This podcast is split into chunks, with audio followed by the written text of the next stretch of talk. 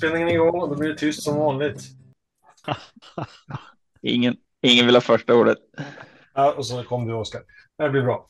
Eh, hej på er! Välkommen till 7 rätt en travpodd, Söndagspodden den 6 augusti. Och eh, dagen till ära får vi säga grattis på födelsedagen till Marco. Tack och grattis efterskott Bobbe. Tack! Vi har en dubbel eh, födelsedagshelg här uppenbarligen i podden. Vi har också med oss, som ni hörde nyss, Oskar. Hallå, hallå. Och en välkommen gäst i form av Travburman. Välkommen! Hallå, hallå.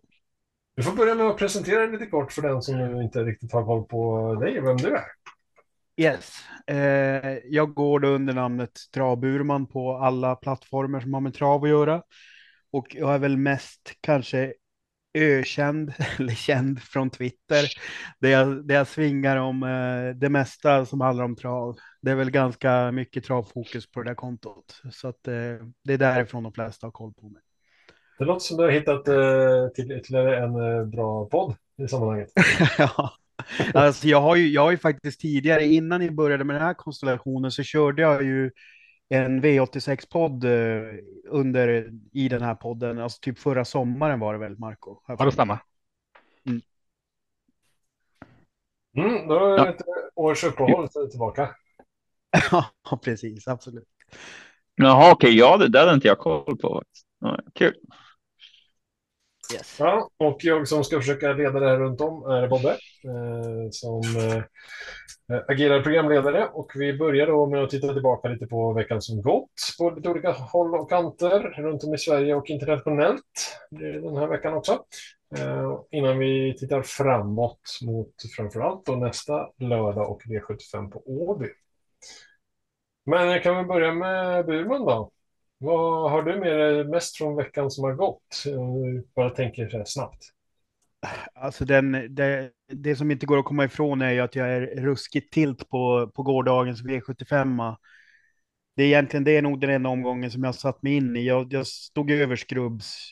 Jag spelar bara V86 som det är jackpot, så den här veckan körde jag bara eh, Rättvik då. Och jag kör ju reducerat till, i, via min tillsammansgrupp och hade då mm, tre A-hästar som vann, men jag spikade två andra hästar. Så att det, det var liksom en bedrift att inte sätta sjuan, så jag ruskigt eh, tilt på det. det så att det, det är bara revansch, eh, liksom eh, lystnad. För det var, ju, det var ju så pass bra värde för den lätta raden med den stora jackpotten igår, så det var lite trist om man inte kunde bjuda de som köper in sig på lite pengar. Så det, det är väl det bestående intrycket. Jag ska försöka.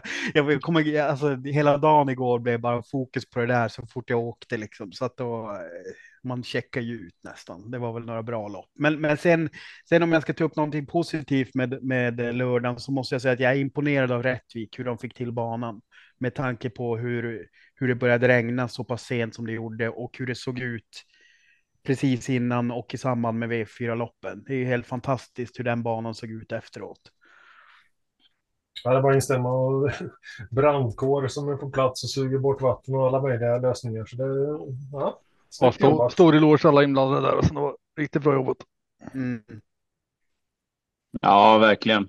Det, det är några banor som är, är bättre än andra på att tåla regnväder. Så här. Men det, faktum är att ganska ofta så är det det är lite märkligt. Eh, alltså som Mantorp är ofta bättre när det är riktigt rejält, eller var förr i alla fall. Nu har de nog fått till det lite bättre, men förut så hade Mantorp problem när det regnade lite grann. Då, då var det liksom bara sörja om det regnade riktigt ordentligt. Då, då var det bra och det är lite att det, det är mycket sådant här slitet material i banorna som kommer fram när det, när det regnar lite grann och sen när det, när det kommer riktigt rejält med vatten då, då liksom sköljs bort lite och så kan man få upp det, det lite grövre då. Men alltså det var ju otroligt bra gjort av Rättvik. Eh, HCs Crazy Horse vann första avdelningen på 11-8, eh, 21-40. Eh, och då hade det spöregnat i, mm. kändes som fem timmar i sträck typ. Ja, det är intressant det där med, med just bankvalitet och så där. Halmstad brukar ju nämnas som en av de absolut bästa banorna. Mm. Ja, det finns. Det fin ja, men den är ju ofta bra och det är jättekunniga kunniga människor som jobbar där. Och sen finns det några som kanske jobbar lite mer i det tysta. Jag tycker Mantorp gör de det eh, ruggigt bra. Eh, Kalmar brukar jag alltid nämna. Det finns, ja, men det finns, finns många bra banor där de, där de gör det bra efter sina förutsättningar. Men sen, sen kan man ju inte alltid bara säga att den banmästaren är bättre än den andra för att eh, var, varje bana är ju lite unik och det är ju liksom ja, levande material kanske man inte ska säga, men i princip det är grus. Men eh, det, det, alla har ju väldigt olika förutsättningar beroende på var banan ligger och hur den är lagd och så vidare. Men eh, de, de kämpar och, och gör det väldigt bra. Jag måste ju säga att vi har ju för det mesta här i Sverige har vi ju banor som är bra för hästarna helt enkelt. Det är ju, det är ju oerhört viktigt. Mm, vi pratade i torsdagspodden eh, Martin och AJ inför Rättvik och sådär. Hur tänker Marco Burman kring eh, just banor och väder och den kombinationen? Det är, ju, det är ju en faktor man tar in. Så har det ju blivit lite grann eh, på vissa banor. Exempelvis Axevalla tycker jag är lite så här. Det är, svår, det är alltid svårt att avgöra om galopper beror på banan och sånt. Men Axevalla och Jägersro mm. tycker jag är sådana banor där man ofta är, är det ett eller två lopp där det blir mycket galopper. Men, det, men någonting som jag reagerade på med Rättvik just den här var att jag tyckte det var väldigt få galopper, just med tanke på hur förutsättningarna hade varit. Så att, eh, men eh, om för svar på din fråga så det, det är någonting som man, man får ta hänsyn till. Sen är det såklart alltid det här med klass och om det är lärlingar som kör och så vidare spelar ju in också. Sen eh, tenderar man ju alltid att välja fel lopp som man garderar på ändå, men eh, ja, en faktor av många kan man säga. Man pratar mm. mycket om, om tung bana eller kladdig bana och sånt där. Eller, men hård bana nämns inte så ofta. Det var därför jag ringde Oskar igår. Eh, jag inte glömde bort. Jag glömde bort idag vad jag skulle fråga dig. Eh, men hur, hur lätt är det för en tränare att välja måste sätta på skorna när man ser banan eller köra barfota? Är det liksom 50-50 när man väljer oftast? Eller har man stenklart för sig? Eller hur, hur tänker man som tränare? Mm. Var, om jag räknar rätt så var det 15 galopper totalt på sju avdelningar och då var det spöregn Eh, och väldigt svårt med det där med om man vågade köra barfota eller inte. Eh, men det är en intressant fråga. En, största anledningen till att vi, vi hade det här med tre månaders barfotaförbud, det är ju att att det är två stora anledningar. Dels så var det ju att det var jäkligt jobbigt för spelarna för att det anmäldes barfota och sen ändrades det i sista stund. Och anledningen till att det ändras i sista stund det är ju just det du frågar om där att är det lätt? Nej, det är jättesvårt för det är väldigt varierande på olika hovar hur bra de tål eh, olika sorters banor. En del banor blir lite mera som, ja, men det blir väldigt strävt grus så att det kan vara liksom hyfsat mjukt, men det är ändå så pass grovt grus att det, det sliter väldigt mycket och så har olika, eh, olika hästar har olika bra, bra kvalitet på hovarna och hovarna kan se väldigt bra ut, men slits väldigt fort. Eh, och, och sen är det många gånger svårt att, att bedöma på en hov. Jag som ändå är väldigt nördig kan bli väldigt förvånad ibland. En häst ser ut som att ja, men den där kan ju gå barfota hur länge som helst och så tar jag och kör ett jobb hemma och märker att nej, men den här är ju lite öm och det skulle man aldrig kunna tro att den var.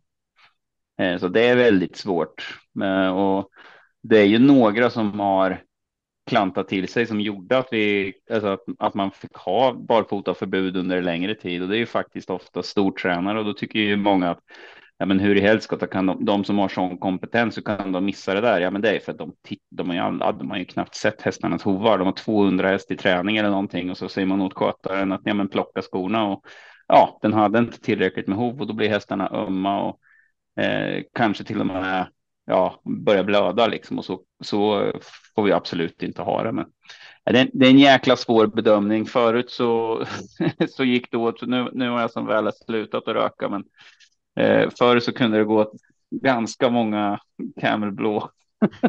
Där man står uppe vid banan och sparkar lite i gruset och, och, skulle klura ut om man kunde köra med skor eller inte. Eller på vintern så var det, men vilka skor ska jag ha? Behöver jag ha brodd eller?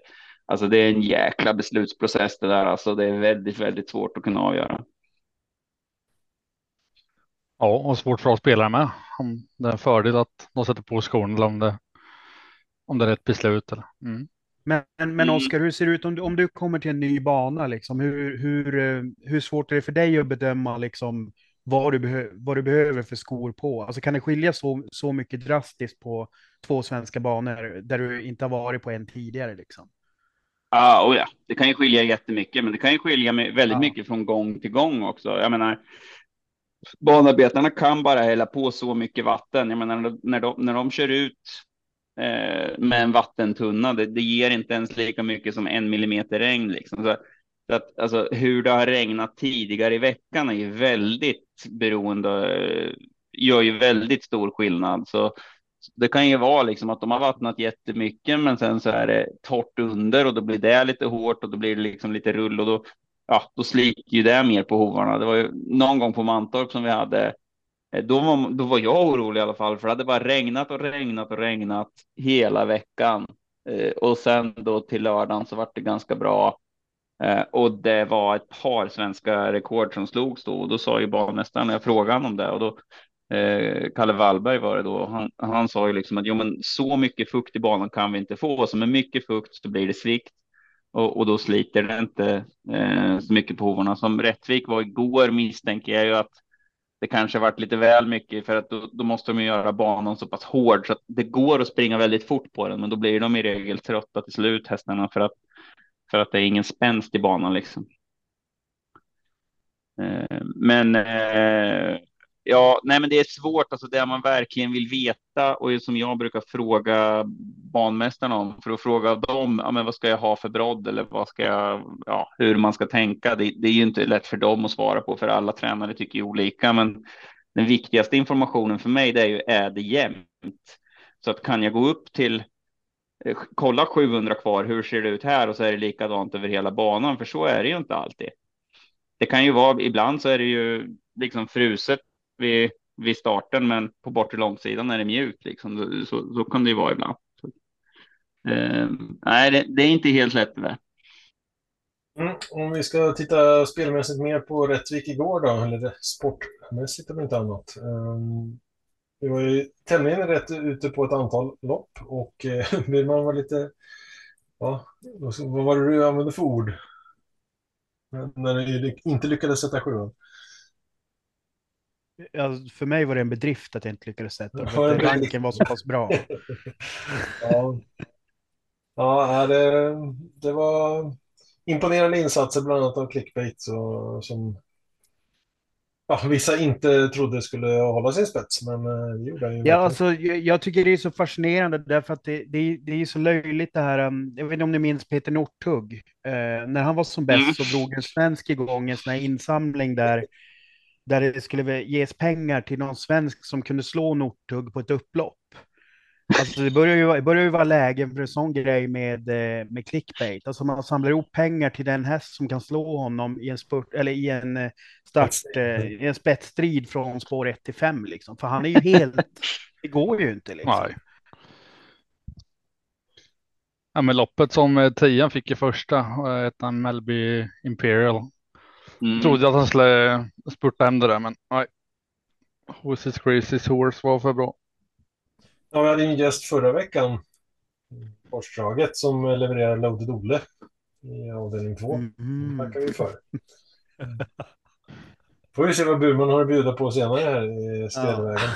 Ja. Eh, måste också imponeras av Castor the Star. Eh, planenligt i spets och ja. sen bara... Ja, tack och hej. Ramstad Balder, eh, Ramstad Balder var ju riktigt bra. Mm. Uh, ja, Brännerön också för den delen uh, var ju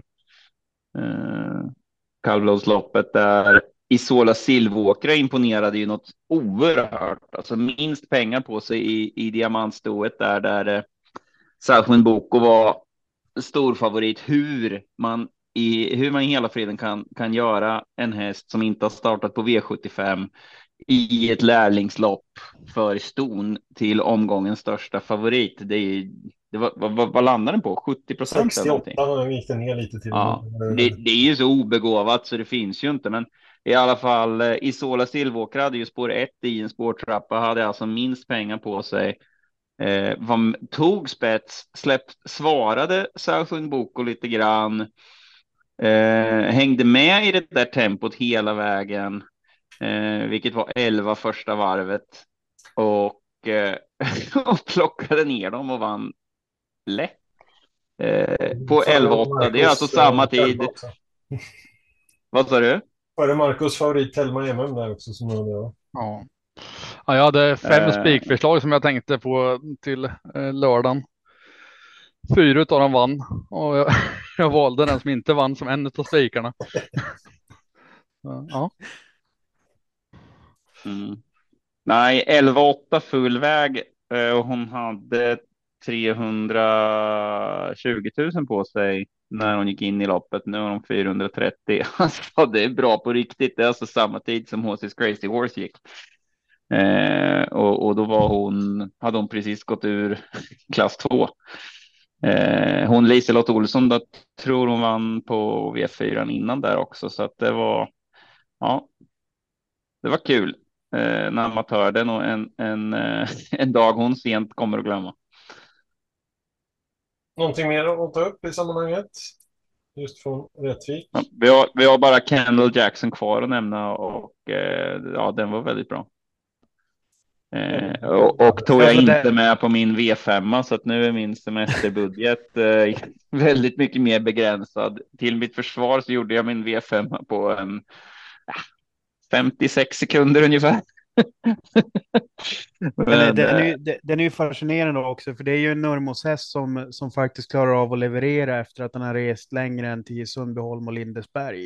Eh, nu, nu får man väl då ge att den är väl relativt ny i regin, så den, den har väl inte hunnit få den här res, eh, att den inte funkar och tävla. Det kan väl aldrig vara någon det kan väl aldrig vara någon bitterhet som ligger bakom.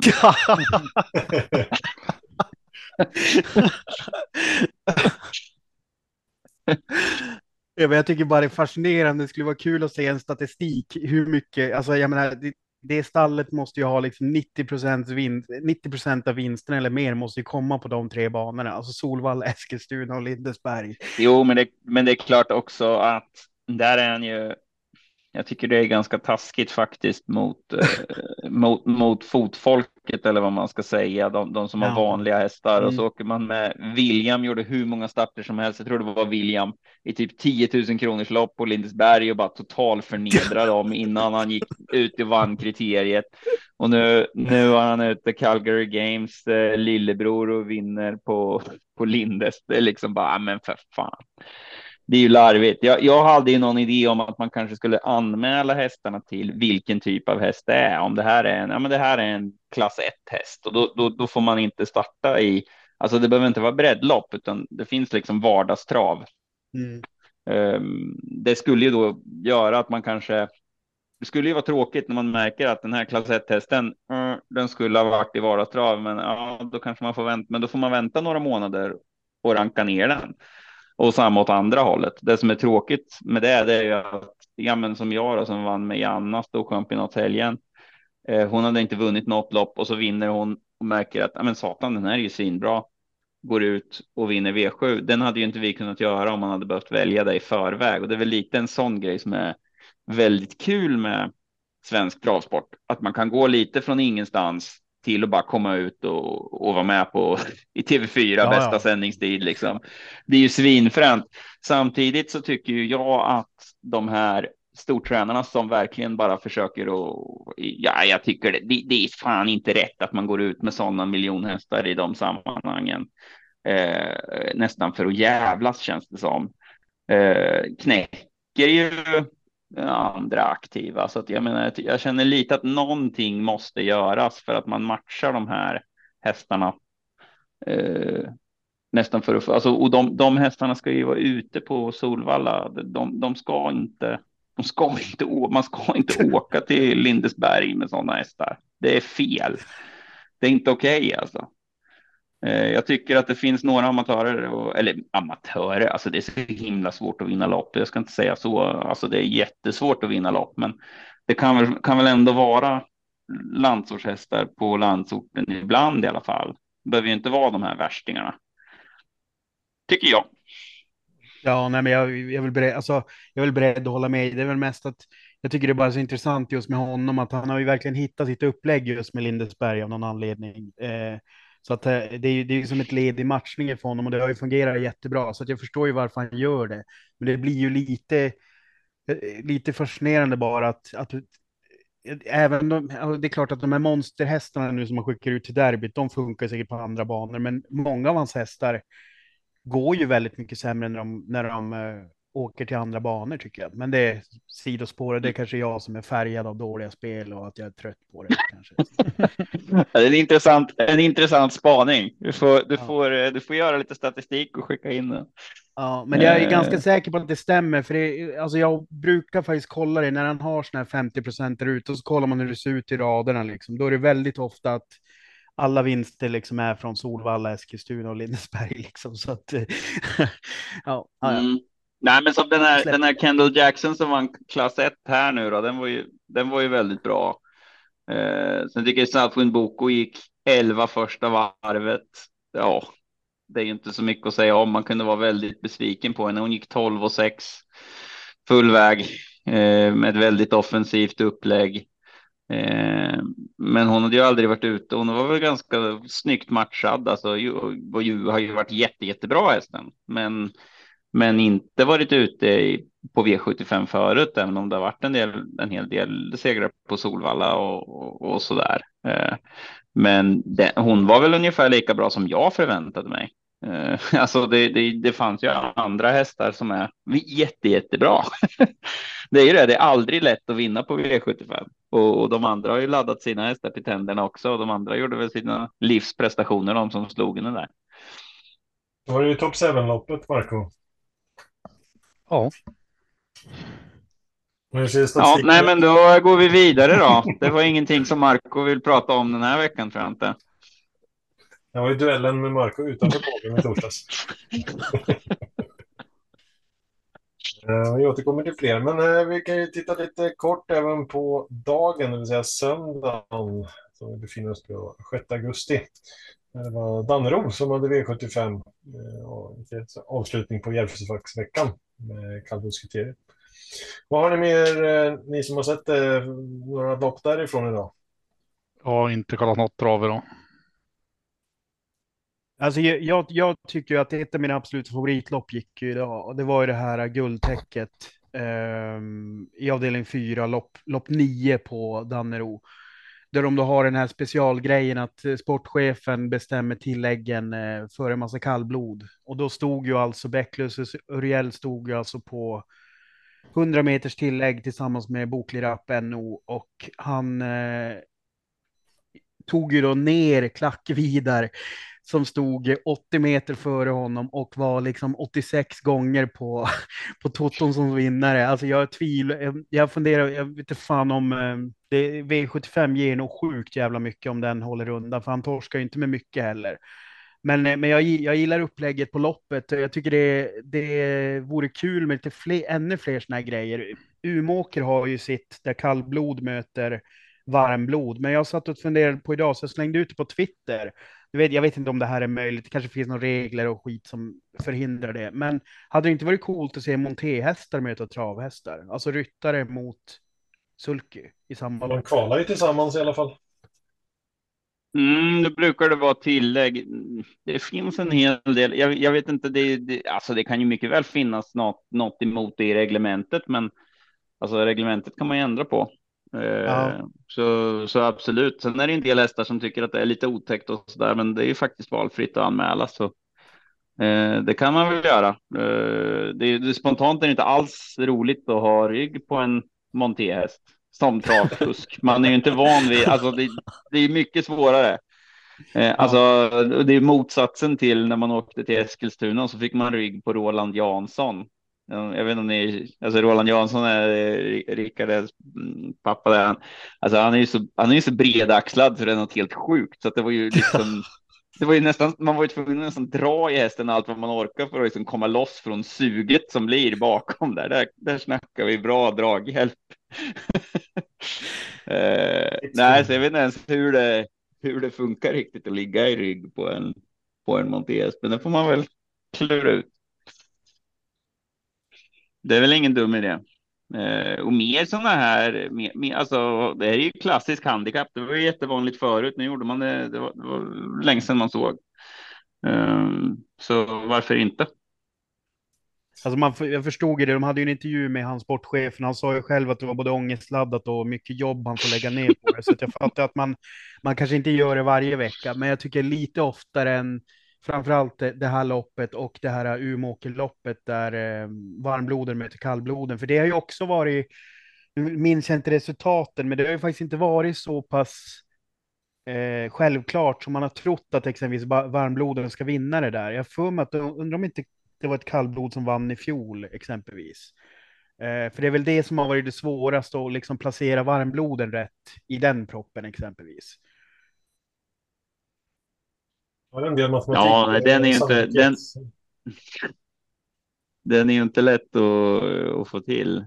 Nej. Uh, han, men jag måste ju ge en eloge där till Joakim Reiser som tränar och, och kör tvåan i mål i aktuellt lopp, Klack vidare. Han hade ställt i ordning eh, och han körde ju helt optimalt och det var ju oerhört nära att han höll undan alltså. Sen vet jag inte, Mats eh, körde ju otroligt snyggt också såklart eh, och, och fångade innan, men han, han körde ju helt optimalt. Vart för lite seg sista biten där klack vidare. Eh, gick 24 första varvet, kom i mål på, på 25. Så det är väl lite det där, de här hårda hästarna, det, det är liksom sista 50 som skiljer på de ruggigt bra hästarna och de bra hästarna idag. det är liksom där, där, där det skiljs. Så Becklas Uvel visar väl lite högre klass där, men han gjorde det ruggigt bra där, måste man ju säga. Sen får vi nämna kallblodskriteriet också, eh, som var avdelning 6 idag. Eh, norsk dominans på de fyra första platserna. Årevik Prinsen som vinnare. Någon som vill kommentera kring det? Nej, jag är väldigt oinsatt i, i båda de här. Det var Stona körde också sin treårs. Alltså det, det är ju... Nej, jag, jag, jag börjar inte sätta mig in i kallblod förrän de börjar dyka upp i vuxen, vuxenpropparna, liksom, när de är över sju typ. det är ju... Eh, men vad fasen, vart gick stå, eh, ståavdelningen? Avdelning två. Majblomster. Ja, just det. Så där är ju mm, ja, fyra stycken norska efter den. Jo, men det är hyfsat. Järvsö Blomster får man väl säga. Rätt så hyfsad individ. Eh, tjänar 1,4 miljoner själv, vann ju något större lopp och sen har hon ju, får man väl säga att hon har lämnat helt okej okay i, i aveln också. Mm. Jag har lämnat stjärnblomster innan. Och... ja, alltså Mats lät ju väldigt på, på, på att den här majblomsten nog kan bli eh, liksom bra på sikt eh, i intervjun efteråt. Eh, så att det, henne får man väl eh, liksom eh, flagga mentalt på det sättet. Men som jag sa, jag brukar nog vänta med kallbloden ett tag.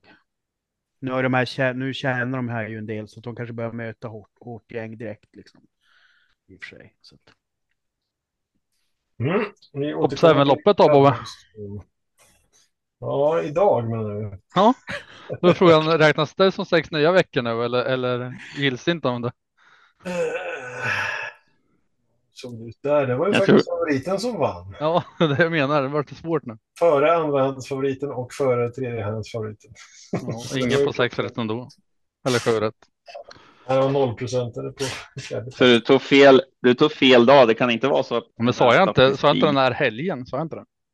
Jo, jo, du sa det. Du var faktiskt lite osäker på om det var idag eller igår som det skulle gälla. Men, men nu frågan är ju. Frågan, frågan är om den här statistiken överhuvudtaget är intressant eller om det är som så här amerikansk statistik som de kommer med att nej, ingen quarterback har någonsin kastat så här många touchdowns samtidigt som hans mamma fyllde år och eller den som tror att man spelar på rött nästa gång på roulette, då är det större chans att vinna. Ja, men jag har väl gått på att jag alltid garderar avdelning 5 liksom. Det är mitt enkla sätt att göra det. Ja, men vi kan konstatera ja. att det brukar vara svårt att, att, hitta rätt i de mappen. Åtminstone är det sällan som favoriten vinner. Ovanligt sällan. De, de lägger ju, de lägger ju ett eh, top 7-lopp. Eller ett lämpligt lopp i avdelning 5 för top 7 som Eh, för att optimera det såklart. Så att det, det, är väl, det är väl därför det är lite extra svårt. Ja. Mm. Ska vi kika framåt mot veckan som kommer? Uh, förutom att Oskar har semester då, så har vi måndag V64 Färjestad. Vi har tisdag V64 Solvalla. Onsdag V86 Mantorp då. Och vi har uh, Örebro med V64 på torsdag. Och på fredag så är det dubbel V64 från Kalmar och Umeåker. Men vi på lördag tittar fram mot Åby och finaler och inte minst då Åbys stora pris som avslutning i avdelning 7. Söndagen bjuder sen på Grand Slam 75 i Åmål när man kör högervarv, the right way. Lite... Som de borde göra hela tiden. Kom igen nu, Åmål. Ja, chansen finns inför nästa år. Ja. ja. Sluta krångla. Flytta inte tillbaks grejerna utan ha dem där de är nu på söndag. Är det ärlig Oskar, han har druckit en, eh, är det 3,5 eller 2,8 då? 2,8. Ja. En halv. Så nu börjar jag bli lite odräglig. Nej, bara ärlig. Är det något förutom eh, lördagen som lockar till spel för er del? Ja, Oskar, alltså, du... Ja, on, onsdagen är ju given för att det är jackpot. Eh, men jag, jag har inte riktigt kollat på omgången än. Eh, noggrant kan jag inte påstå. Men det, det, det, känns ju spelvärt med 14 miljoner och jag såg att det var mycket, mycket hästar ute i alla fall. Så att det känns bra. Mm, det är ju British Crown. Eh, vi kan ju hoppas att det är lite trevligare väder där i den dagen som det blir, att Mantorp siktar, siktar mest på nu då när eh, när, när V75 vart inställt. Eh, så att eh, ja, det är ju jättefina tävlingar med ja, Breeders Crown, gulddivisionen till och med. Eh, och full STL-omgång i övrigt. Så att klass 1, ja men det är ruggigt bra. Ruggigt bra tävlingar. Så de som kan eh, och som har en fru som kanske inte har skickat iväg dem eh, jättelångt bort ifrån Mantorp just den här veckan. Eh, eh, uppmanar jag att åka dit.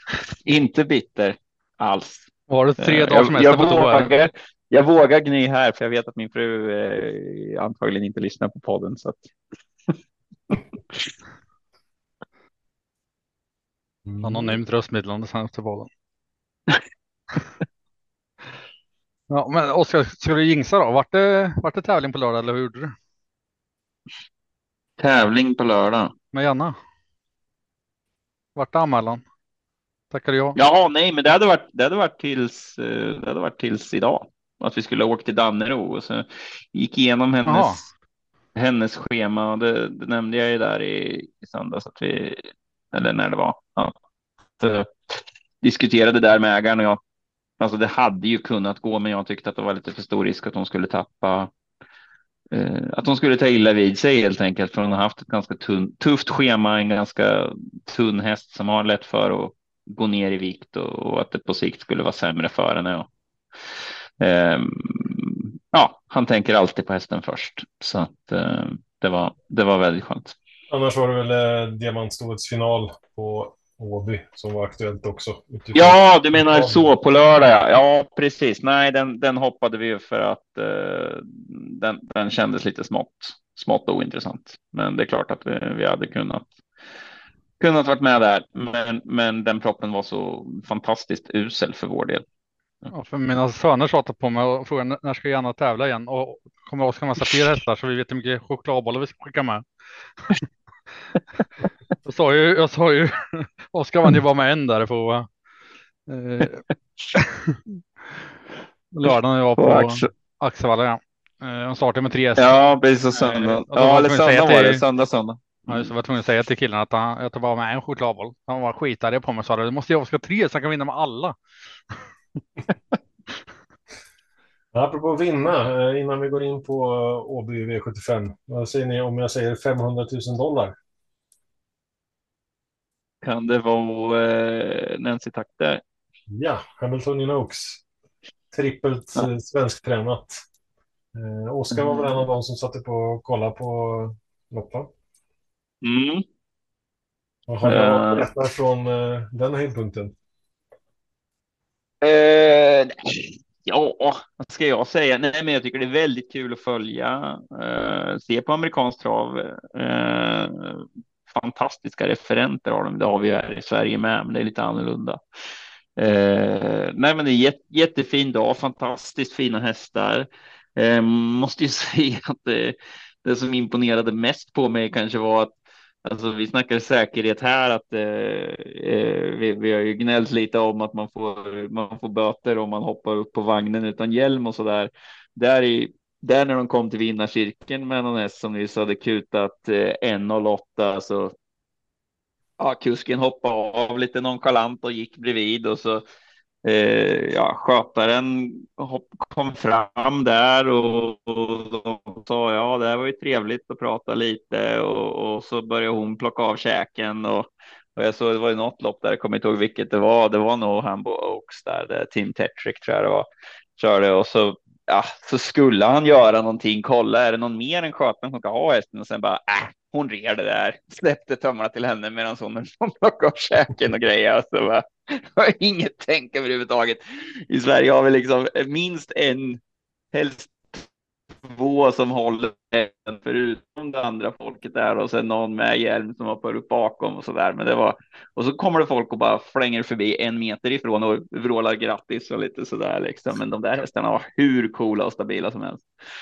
Eh, väldigt välskötta fina hästar måste man säga. Mm, vad var det som eh, såg något från Oaks?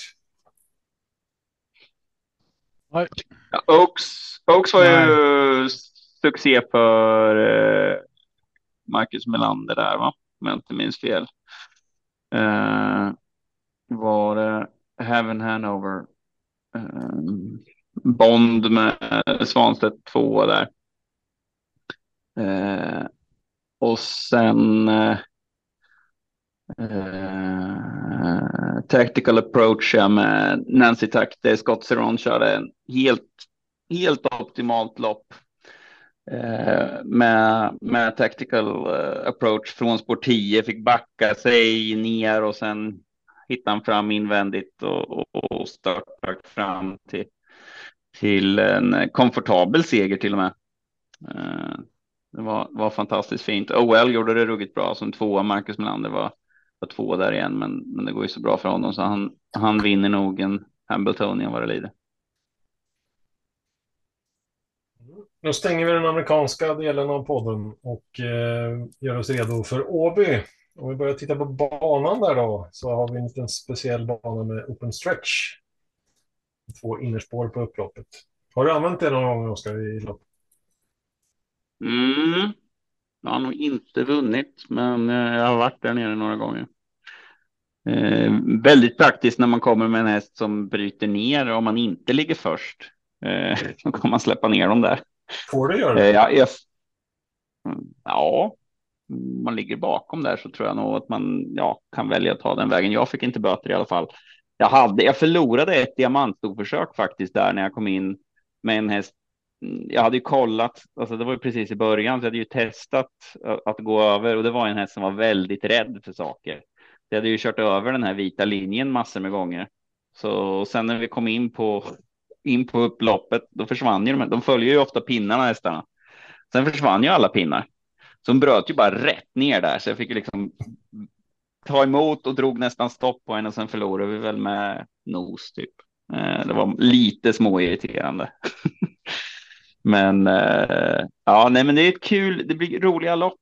Eh, det körs, körs mer i tid, släpps oftare. Det är mer lönsamt att göra eh, offensiva drag på Åby för att de i ledningen är eh, som regel mer benägna att släppa och, och folk vågar att köra mer helt enkelt. Eh, man sitter inte och packar fältet på samma vis. Jag tycker Åby är en jätterolig bana och de satsar mycket på, på hästarnas miljö på stallbacken också. Det är tyst och lugnt där. Eh, ja, väldigt trevlig bana på, på alla sätt och vis. Ny anläggning, hela kittet. Eh, Burman, vad tänker du om Åby spelmässigt? Jo, men absolut jättekul spelmässigt med ett helvete att plugga till just på grund av det här med spetsstriderna. Eh, eftersom det är lite annorlunda jämfört med nästan alla andra banor. Det är egentligen Tingsryd och Åby som skiljer sig. På, på Tingsryd upplever jag inte att det är lika viktigt med spets och på Åby så ser spetsstriden annorlunda ut. Så att eh, de två banorna, då får man lägga ner lite mer tid i början eh, på pluggandet. Men jag, jag gillar loppen Och jag tycker det är kul med den kryddan. Sen hade jag, nog, jag hade inte velat ha open stretch på alla banor, men på någon, någon ytterligare bana än, än Åby och Skellefteå hade jag gärna sett faktiskt. Så jag gillar Åby. Det känns inte som att Skellefteå att det ger alls samma effekt på Nej, Skellefteå. Nej. nej, jag tänkte fråga dig faktiskt, har, har, du, har du kört där någon gång? Nej, men jag kan tänka mig att en anledning är att det är, det är bara ett spår och att Mm. hästarna kanske inte riktigt är lika benägna att vilja gå ner där, att det kanske är lite mer trångt. Jag tror inte att de har något säkerhetsspår också, va? Eller räknas? Ja, Nej, jag vet inte Nej, exakt. det, är- min, min, känsla, min känsla är likadan och det, det är väldigt Mm. ofta på Skellefteå-omgångar där, där ryggledaren väljer att köra alltså, utvändigt istället liksom. Mm. Även om det, de, även om det blir, senare på grund av det. Så att det är lite fascinerande. Marco, Jo, vad har du det- att säga om Åby? Om jag tuffar vidare där. Ja, jag gillar open stretch. Jag tycker det är kul. Det kommer någon gång ibland sådär. Mm, Oskar, hade du något att tillägga där om Skellefteå? Eller? Uh, nej, men det är lite så där. Många, många tycker när man tittar på tvn så har jag fått kommentaren många gånger att folk blir irriterade och tycker men varför använder de inte open stretch? Ser de inte att det finns? Men jo, men om man har en häst som hänger lite vänstertöm, då är ju eller alltså vill utåt kan man säga. Då är det ju helt värdelöst att gå ner på open stretch för att då ska du tvinga den att gå åt ett håll som den inte vill. Eh, och då är det ju mycket bättre att vänta på luckan som kommer utåt då, eh, istället. Eh, så, att, så att det är en sån grej som spelar in. Men har man en häst som kränger ner lite, då är det ju väldigt tacksamt när, när stretchen kommer och man kan gå på invändigt där istället. De har ju lite egna viljor, de små djur djuren. Också. Ja, precis. De har olika Mm. vanor. Just det. Va? Ska jag det hållet nu plötsligt? Det är ju fel.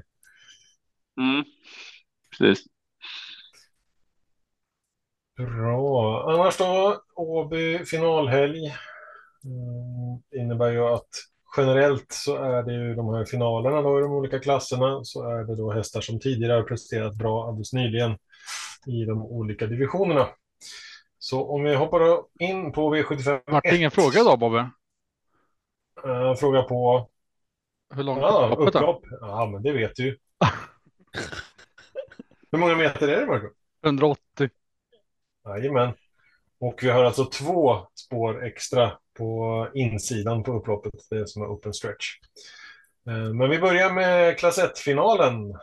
Där vi har 21-40 meter autostart och 12 hästar bakom bilen som så brukligt är när det gäller just finalerna.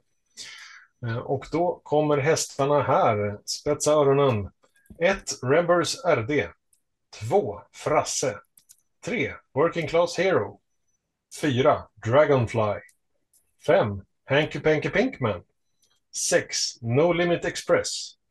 7. One Chance More. 8. They Call Me Sixten. Och på bakspår hittar vi 9. Kingslayer Pellini. 10. Extreme AF. 11. Kapten Brodde. Och 12. Dutes. Japp, där har vi de 12 hästarna. Och jag tänker börja med dig, Marco. Du reagerar på Kings- Kingslayer Pellini. Har startat V75 fem gånger i rad på slutet. Fått spår 9, 11, 9, 9, 8. Jag visste att jag skulle få en anmälan så. Eh, Den tycker jag är rolig, men först har jag ändå Hanky Panky Pinkman. Eh, Men jag tror den kommer bli betrodd där. Kanske skulle vara Ja, ett roligt lås tidigt. Högst, högst troligt att den eh, kan eh, locka mycket streck. Bra häst, mm, bra vinstrad. Redén Kihlström. Mm. Jag är inne på samma spår där. Vad säger Burman? Ja, jo, men det är, alltså när jag, när jag gör de här spikraderna och sånt där, när jag, på korsradets, eller korsdragets utmaning där, då, då går jag väldigt mycket bara på spontan magkänsla och Henky Panky Pinkman såg ju fruktansvärt fin ut på Skrubbs. Eh, jag lirade en egen V5 då och jag hade väl inte riktigt räknat med att han skulle vara sådär jävla håll käften bra som han var. Så att är han bara någorlunda bra fort, fortfarande, då ska ju det där eh, gå väldigt lätt för honom tror jag. Sen, sen får man ju se procentmässigt vad han landar på. Jag tycker det är intressant, den här 12 eh, Dautes är ju en väldigt bra häst.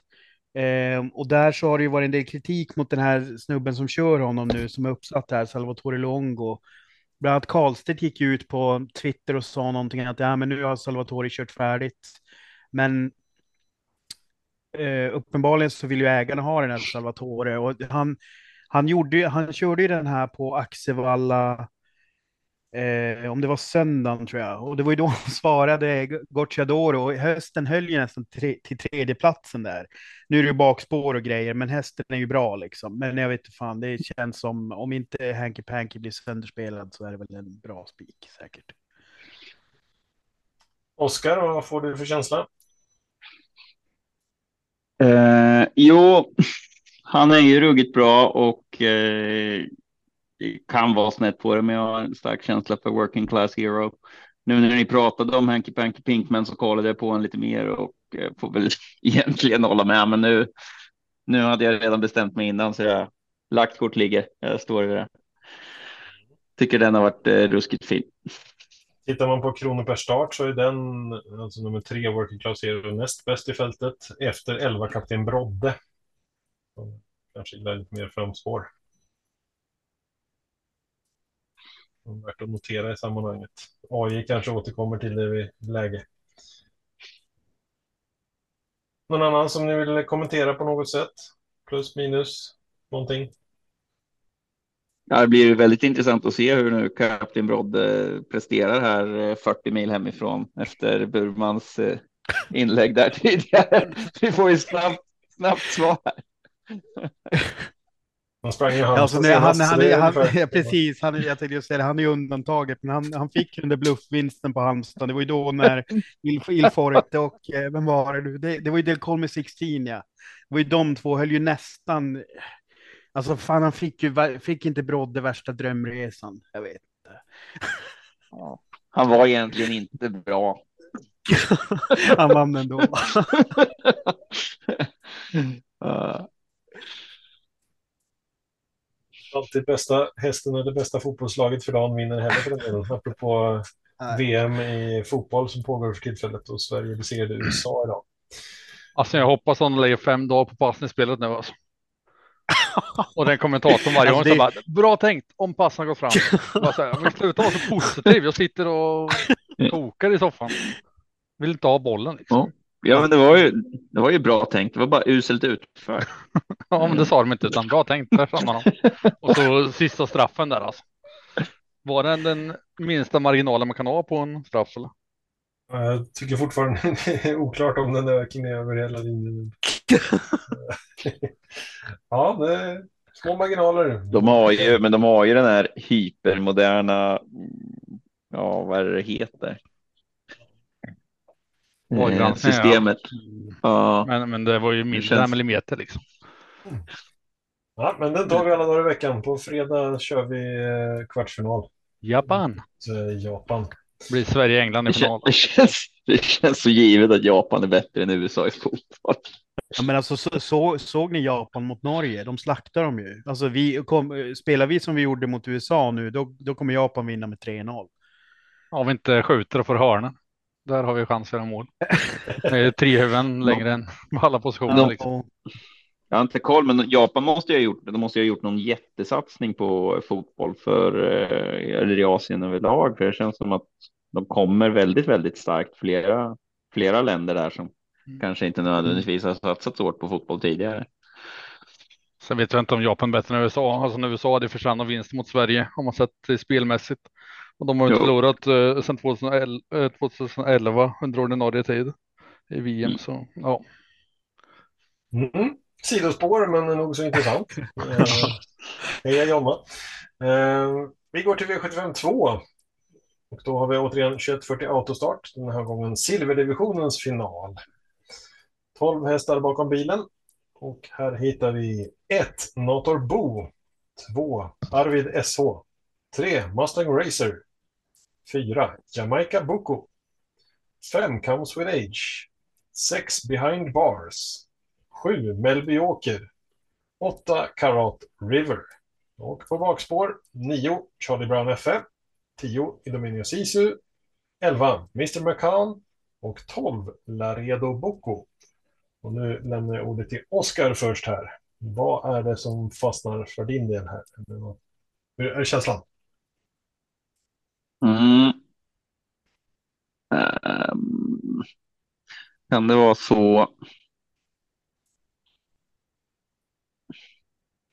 Kika lite på några jag har färskt i minne här. Jag kan ställa en fråga till Burman så länge medan du tänker. Ehm, du säger nog Charlie Brown. Charlie Brown F tror jag väl eh, igen här.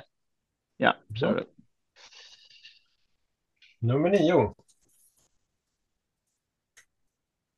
Ja, Marco, ta, ta din fråga där. Det, det första jag tittade på när jag öppnade avdelning två här eh, var att eh, mycket förändringar på kuskar sen senast om jag kommer ihåg rätt. Och så gick jag in lite snabbt och kollade och det är många som byter kusk det loppet. Hur mycket tittar du på det här Börjar man när man eh, byter kusk? Där? Ja, en, ja, absolut gör jag det. Men det beror ju också på varför bytet kommer. Men alltså, så, länge, så länge det blir... Om det, om det är en helt ny kusk eh, på typ en häst som har en historik av att liksom inte alltså, tra, alltså trava dåligt eller liksom galoppera mycket, då, då har jag alltid till på det, även om det är en duktig kusk. Liksom. Sen är det ju klart att om du får, om du får en proffskusk upp på en häst som ofta körs av tränare, då är det ett enormt plus. Liksom. Det går ju nästan inte att värdesätta hur bra det är, ofta. Liksom. Är det någon speciell du tänker på i det här loppet? Eller? Örjan vann ju med, var det Comfort Age senast? Ja. Just det. Och han sa ju Wäjerstens där sju Melby Joker istället. Mm. Så Melby Joker får ju Örjan för första mm. gången jag kan se. Jag kan bara se tio starta tillbaka på den sidan. Eh, och Comfort Age som vann Mörjan senast eh, får Magnus upp igen. Eh. Det är väl eh, Oskars favoritkusk? Just, just. Jo, precis. Och Magnus mm, har varit förlorat en gång med honom sedan han vann V75 med honom. Eh, eh, han vann med honom näst senast han körde. Eh, så det är nog. Eh, det är nog ingen fara då. Undrar om han inte spetsvann då, va? Eh, på Örebro, då hade han spår två. Nu har han spår fem ganska optimalt. Så att, nej, men där tror jag inte det. Jag, eh, det ser väl, jag ser det inte som något, något negativt för den hästen i alla fall. Eh, sen är det klart kan det ju alltid vara lite intressant att kolla om, om var, varför man väljer bort om det är så att Örjan tycker att han, han väljer en, en bättre chans. Då är det en indikation om vad han tycker om man har kört bägge hästarna och är uppsatt på bägge. Det kan man ju kolla på finns ju propositionerna mm. på travsport.se om man vill. Mm. Marco, vad har du för häst här som du fastnar för? Ja, jag tycker det är svårt alltså. Många tycker om. Men jag får bara en antar jag. Mm. Det är det vi är ute efter i första läget.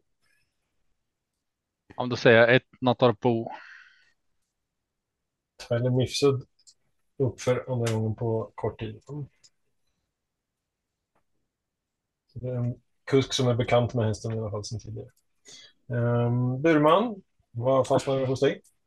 Eh, jag, jag, tycker också att det är förvånansvärt öppet eh, för att vara liksom ett silver, silverlopp. Liksom. Jag tycker ofta så brukar man ändå kunna liksom hitta eh, hitta några som sticker ut mycket. Alltså det, den som jag spontant bara tänker på det, det, det är Charlie Brown F. Eh, för han hade ju trots allt spår 11 när han vann där på Ehm, på Axevalla. Ja. Axevall. Mm. Eh, och då var han före Nathan och behind bars.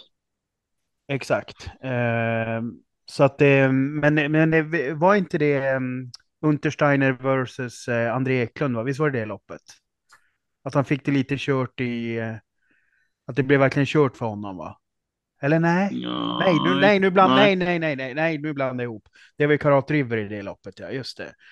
Mm. Just det. Eh, nej, men så att det, det, det, är väl den spontana som jag, som jag bara tänker um, bör ha jättebra vinstchans. Och sen är det ju så här att på, på Åby, de här spåren, alltså bakspåren, jag tycker inte det är lika farligt på Åby just eftersom det ofta blir, det kan ofta bli fler led, ledarbyten efter spets. Så att det brukar inte bli så jävla långt fram även om man har bakspår. Sen en häst som jag bara är fascinerad av i allmänhet, det är nummer fyra, Jamaica Boko. Alltså den är ju så sjukt hårt anmäld. Alltså, den tjän, alltså ett sto som har tjänat 884 000 startar alltså i silverfinal. Alltså normalt så har ju Ston kan ju ha fördel när de ställer upp i sådana här lopp, att de får tjäna typ mycket mer. Men hon har ju tjänat sjukt mycket mindre.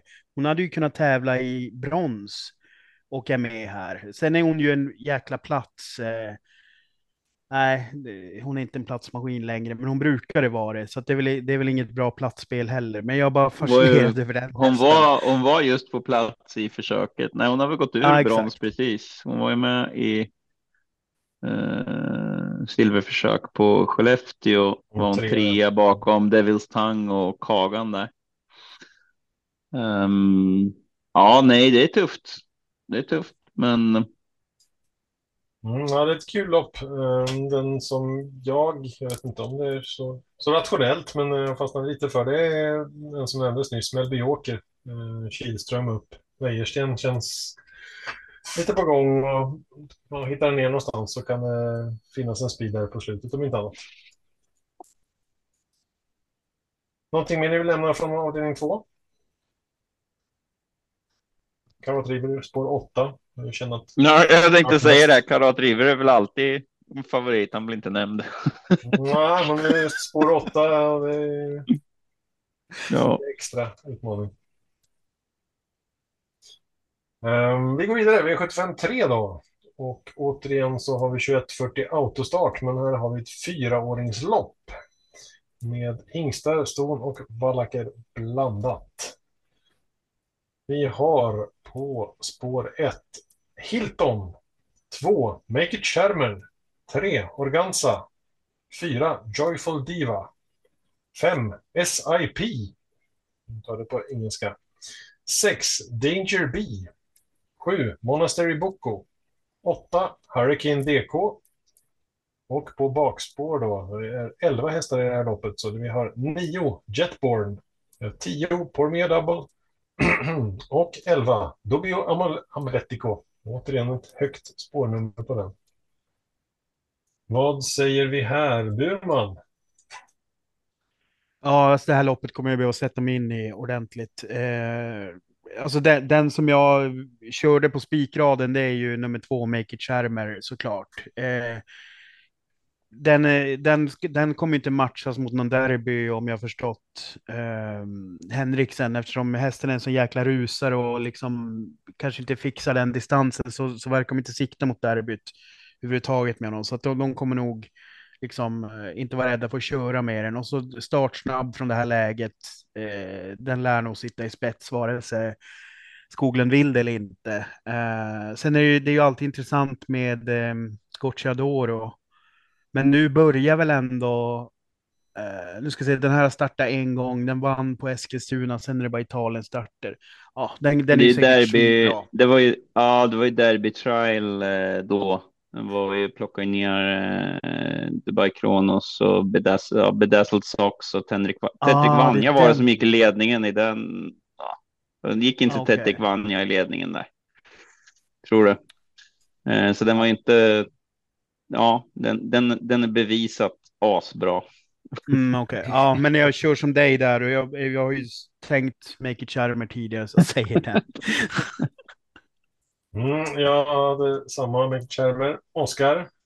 Kör du? Jag tar nämnda, nämnda Danger B där. Jag tyckte den var riktigt bra. Eh, SIP där har startat i Sverige några gånger. Eller SIP vad det nu heter det borde ju betyda, vara en förkortning för någonting roligt misstänker jag. Borde man kolla upp. Um, men jag har dålig koll på den. Men, men Danger B uh, var jag imponerad av. Och så har vi Marco. Är du med oss? Eller har Oskar tagit dig? Nej, jag mutade bara. jag måste också sätta mig in eh, mer i loppet. Men eh, första tanken var sex Denier, Denier B. Yes. Hon har slangordboken är SIP, Shelter in Place, Finding a Safe Location Indoors. Eh, inte riktigt det mm.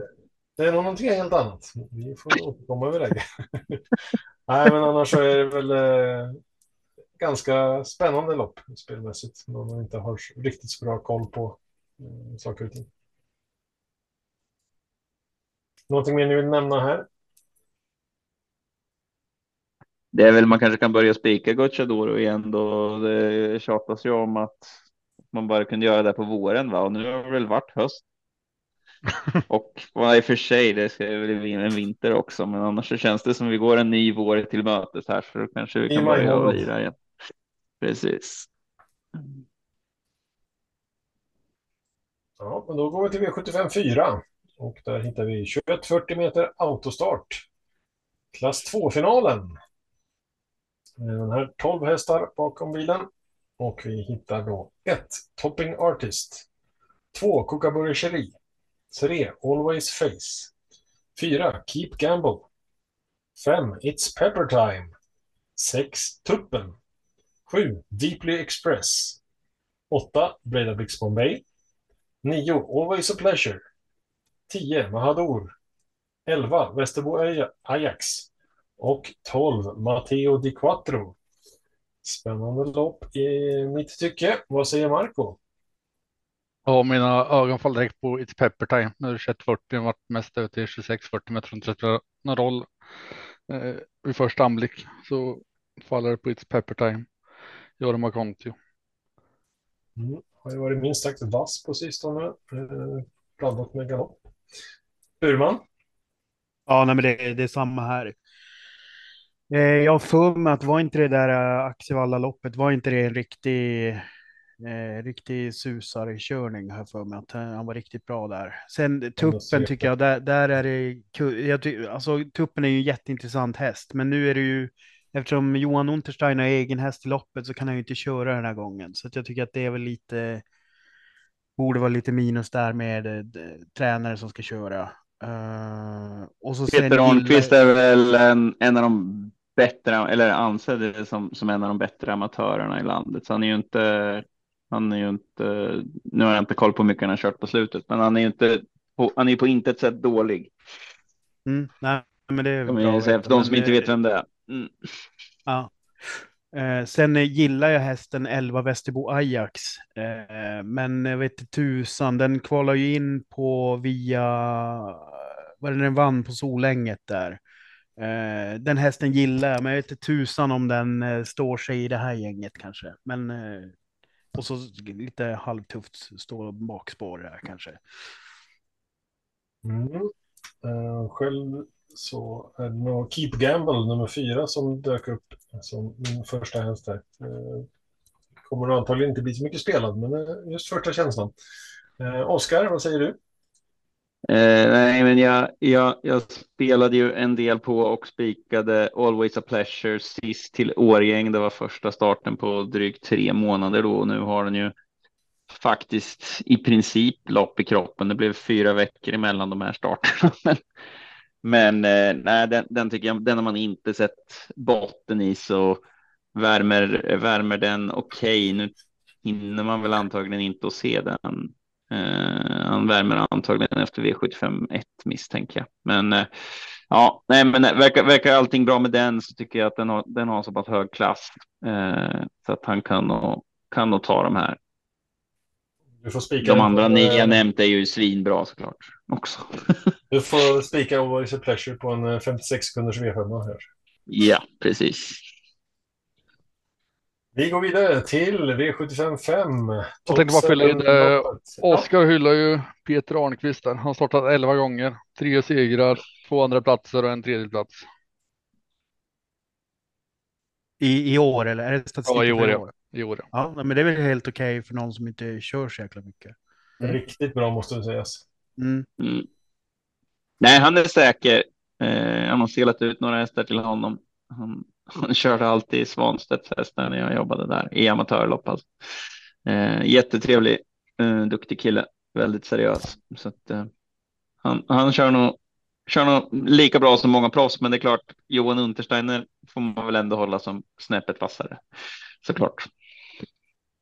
Mm, det är svårt att fightas med sådana. Um, då så, Top 7 Marco, V75 5. 2140 autostart. Vi har bronsdivisionens final. 12 hästar bakom bilen har jag hört förut och kommer få höra igen.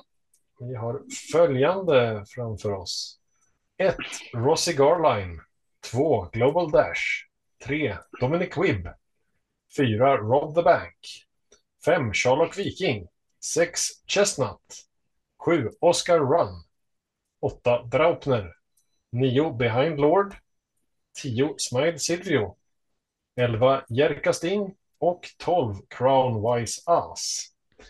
Och äran den här gången att vara först ut på avdelningen är Oscars. Mm.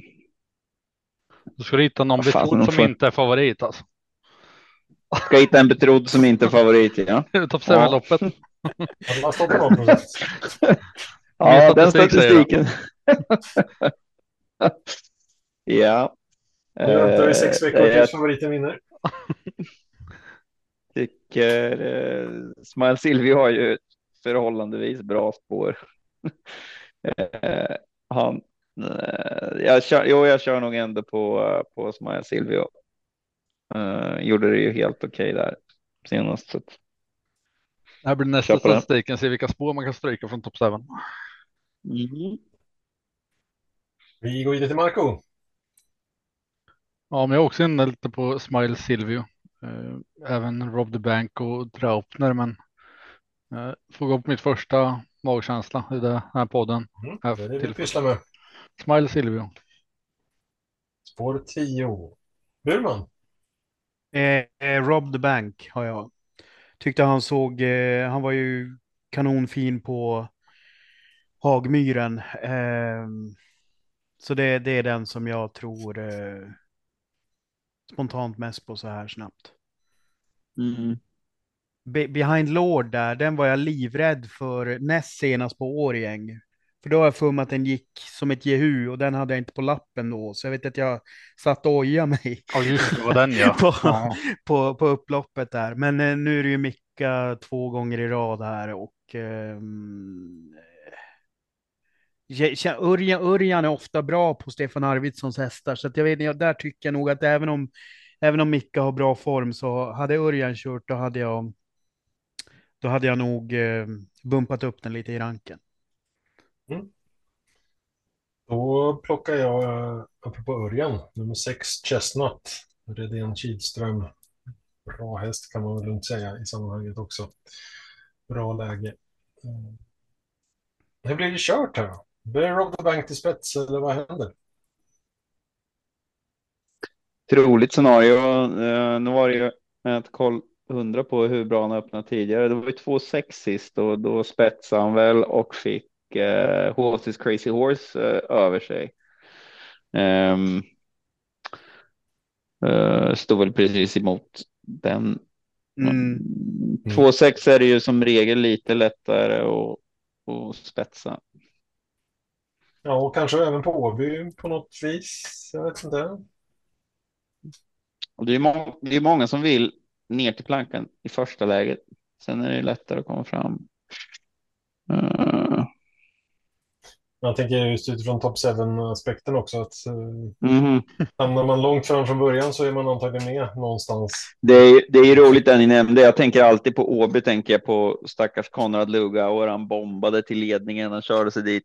Kostade en del också. Det var någon sån här klass ett försök över 3000 meter. Jag kommer inte ihåg hästen, men i alla fall efter 700 meter satt han i ledningen. Varvet kvar så satt han sist. hade han släppt och sen i princip varenda häst. Ja, precis. I princip varenda häst hade släppt till någon i det där racet. Alltså jag, det- jag såg nu den här, den här Global Dash, alltså nummer två där. Den slog ju alltså senast den här Lindys Musclemania. Nu minns jag inte exakt det loppet. Eh, det var väl att den kroknade lite Lindys. Men det är ju en rätt bra häst att ha slagit i alla fall. Det är ju, Mm. det är ju båda ju Weirsten-hästar, men jag kommer ihåg att eh, den har man ju höga tankar om. sen, sen vet jag inte, Ja. det, i och med att den kroknade, den kanske inte var i fullt slag i och för sig, så att man, jag vet inte. Men det är ju en bra skalp att ha tagit. Sen vet jag inte hur den öppnar. Tre senaste starterna har den haft bakspår, så att det får man kolla upp kanske. Något mer från Marco här? Nej, Inte än. Det får återkomma till senare i veckan. måste spara något till torsdagsbaden. Ja, lite mycket att begära allt här. V75 6. Återigen 2140 autostart. Och vi har en final den här gången för diamantstoet. Och det här då, Janna skulle kunna ha varit med, men inte är det. Och här har vi faktiskt 15 hästar. Är... Eller drar av Oskar varför inte ville vara med. De hade ju ändrat det här sa du förra veckan var då. Ja, alltså normalt sett så skulle hon väl stå 20 meter, 20 till 40 meter före de flesta här. Med en voltstart. Ja. Ja, med voltstart som det brukar vara. Nu gjorde de så att det är. Um, alltså diamantstoet är ju som regel där hon vann. Då var det ju tillägg vid um, var det 160 eller någonting sånt där och sen var det ju något annat försök som var högst en miljon. Så då, då är ju som regel finalerna där kanske tillägg vid 350 och tillägg vid 700. Men den här gjorde de bara en spårtrappa så då hade vi ju stått i, i rygg där hade väl jag då kanske haft eh, ja, någon som Ultraviolet till exempel om jag hade varit ute eller eh, vad heter det? Vi har Lasassi Kaja som vann på Axvalla där med nästan en miljon på sig hade vi haft stått samma start och då tyckte inte jag att Eh, då fanns det lämpligare eller roligare uppgifter för våran del.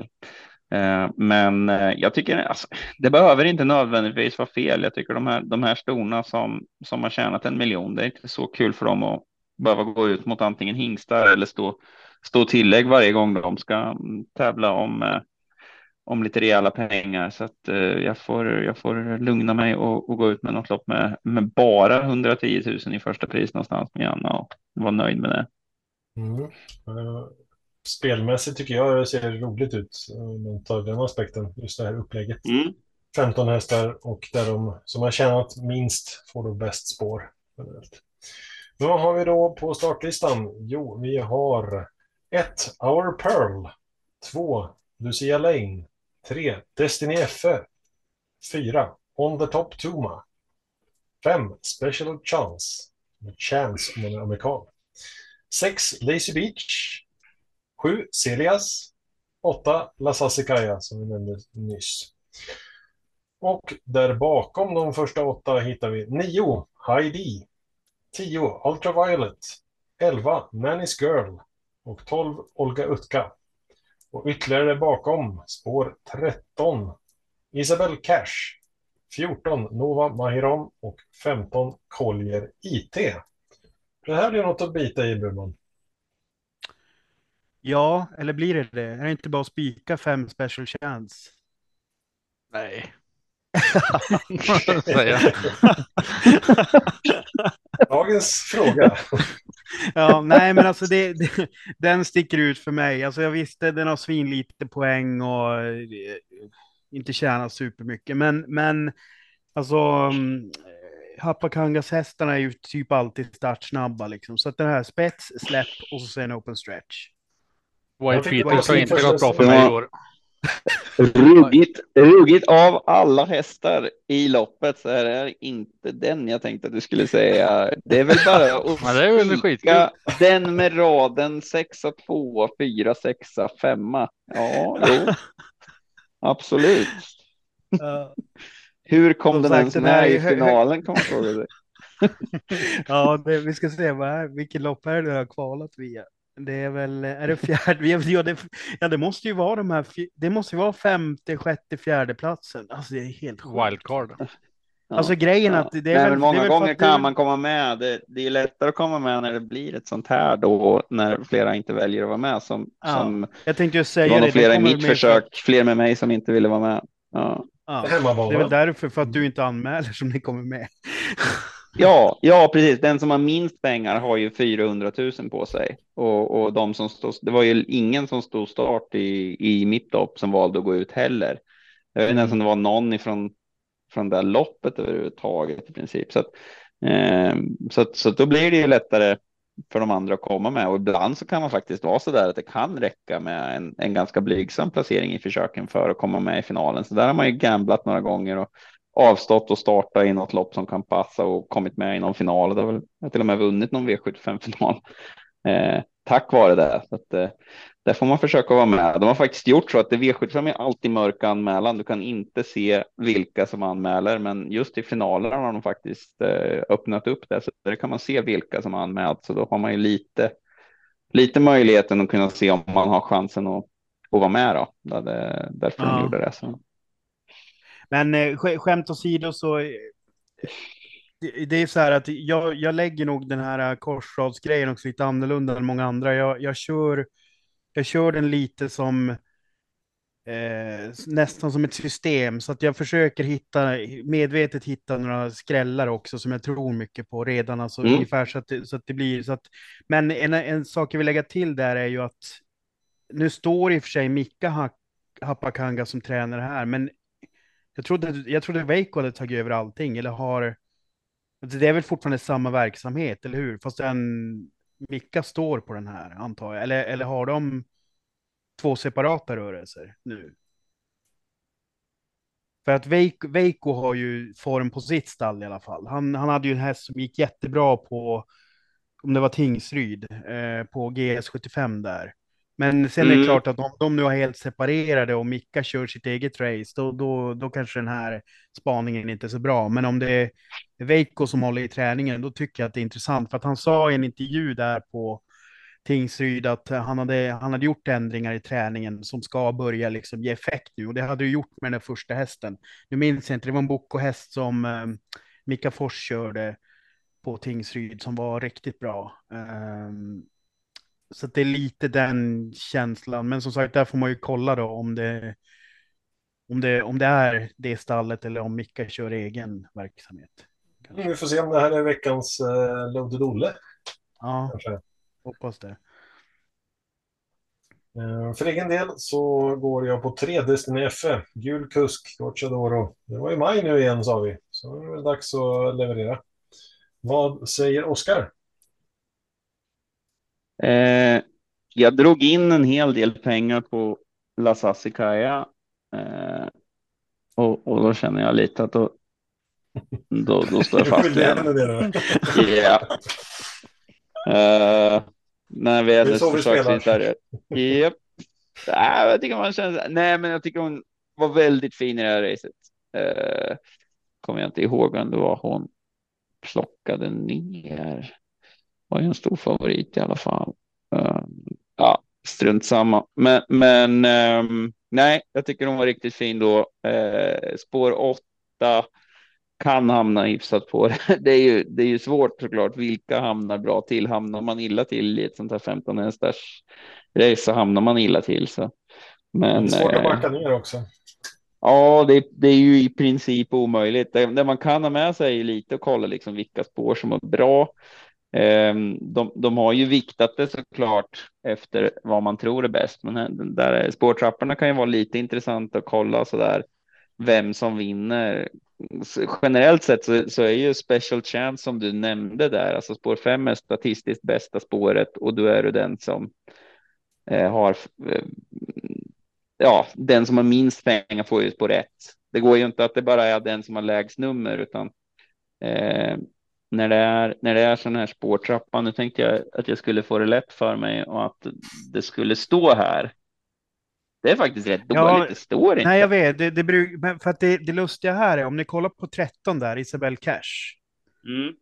Så har den ju tjänat mycket, mycket mindre. Jag fattar inte hur de gör bedömningen att spår 13 skulle vara så mycket bättre än 14, 15 exempelvis. Ja, jo, ja, men det är det ju. Där kan du ju köra bara rakt fram. Eh, spår 15, då har du ju liksom rygg på 12.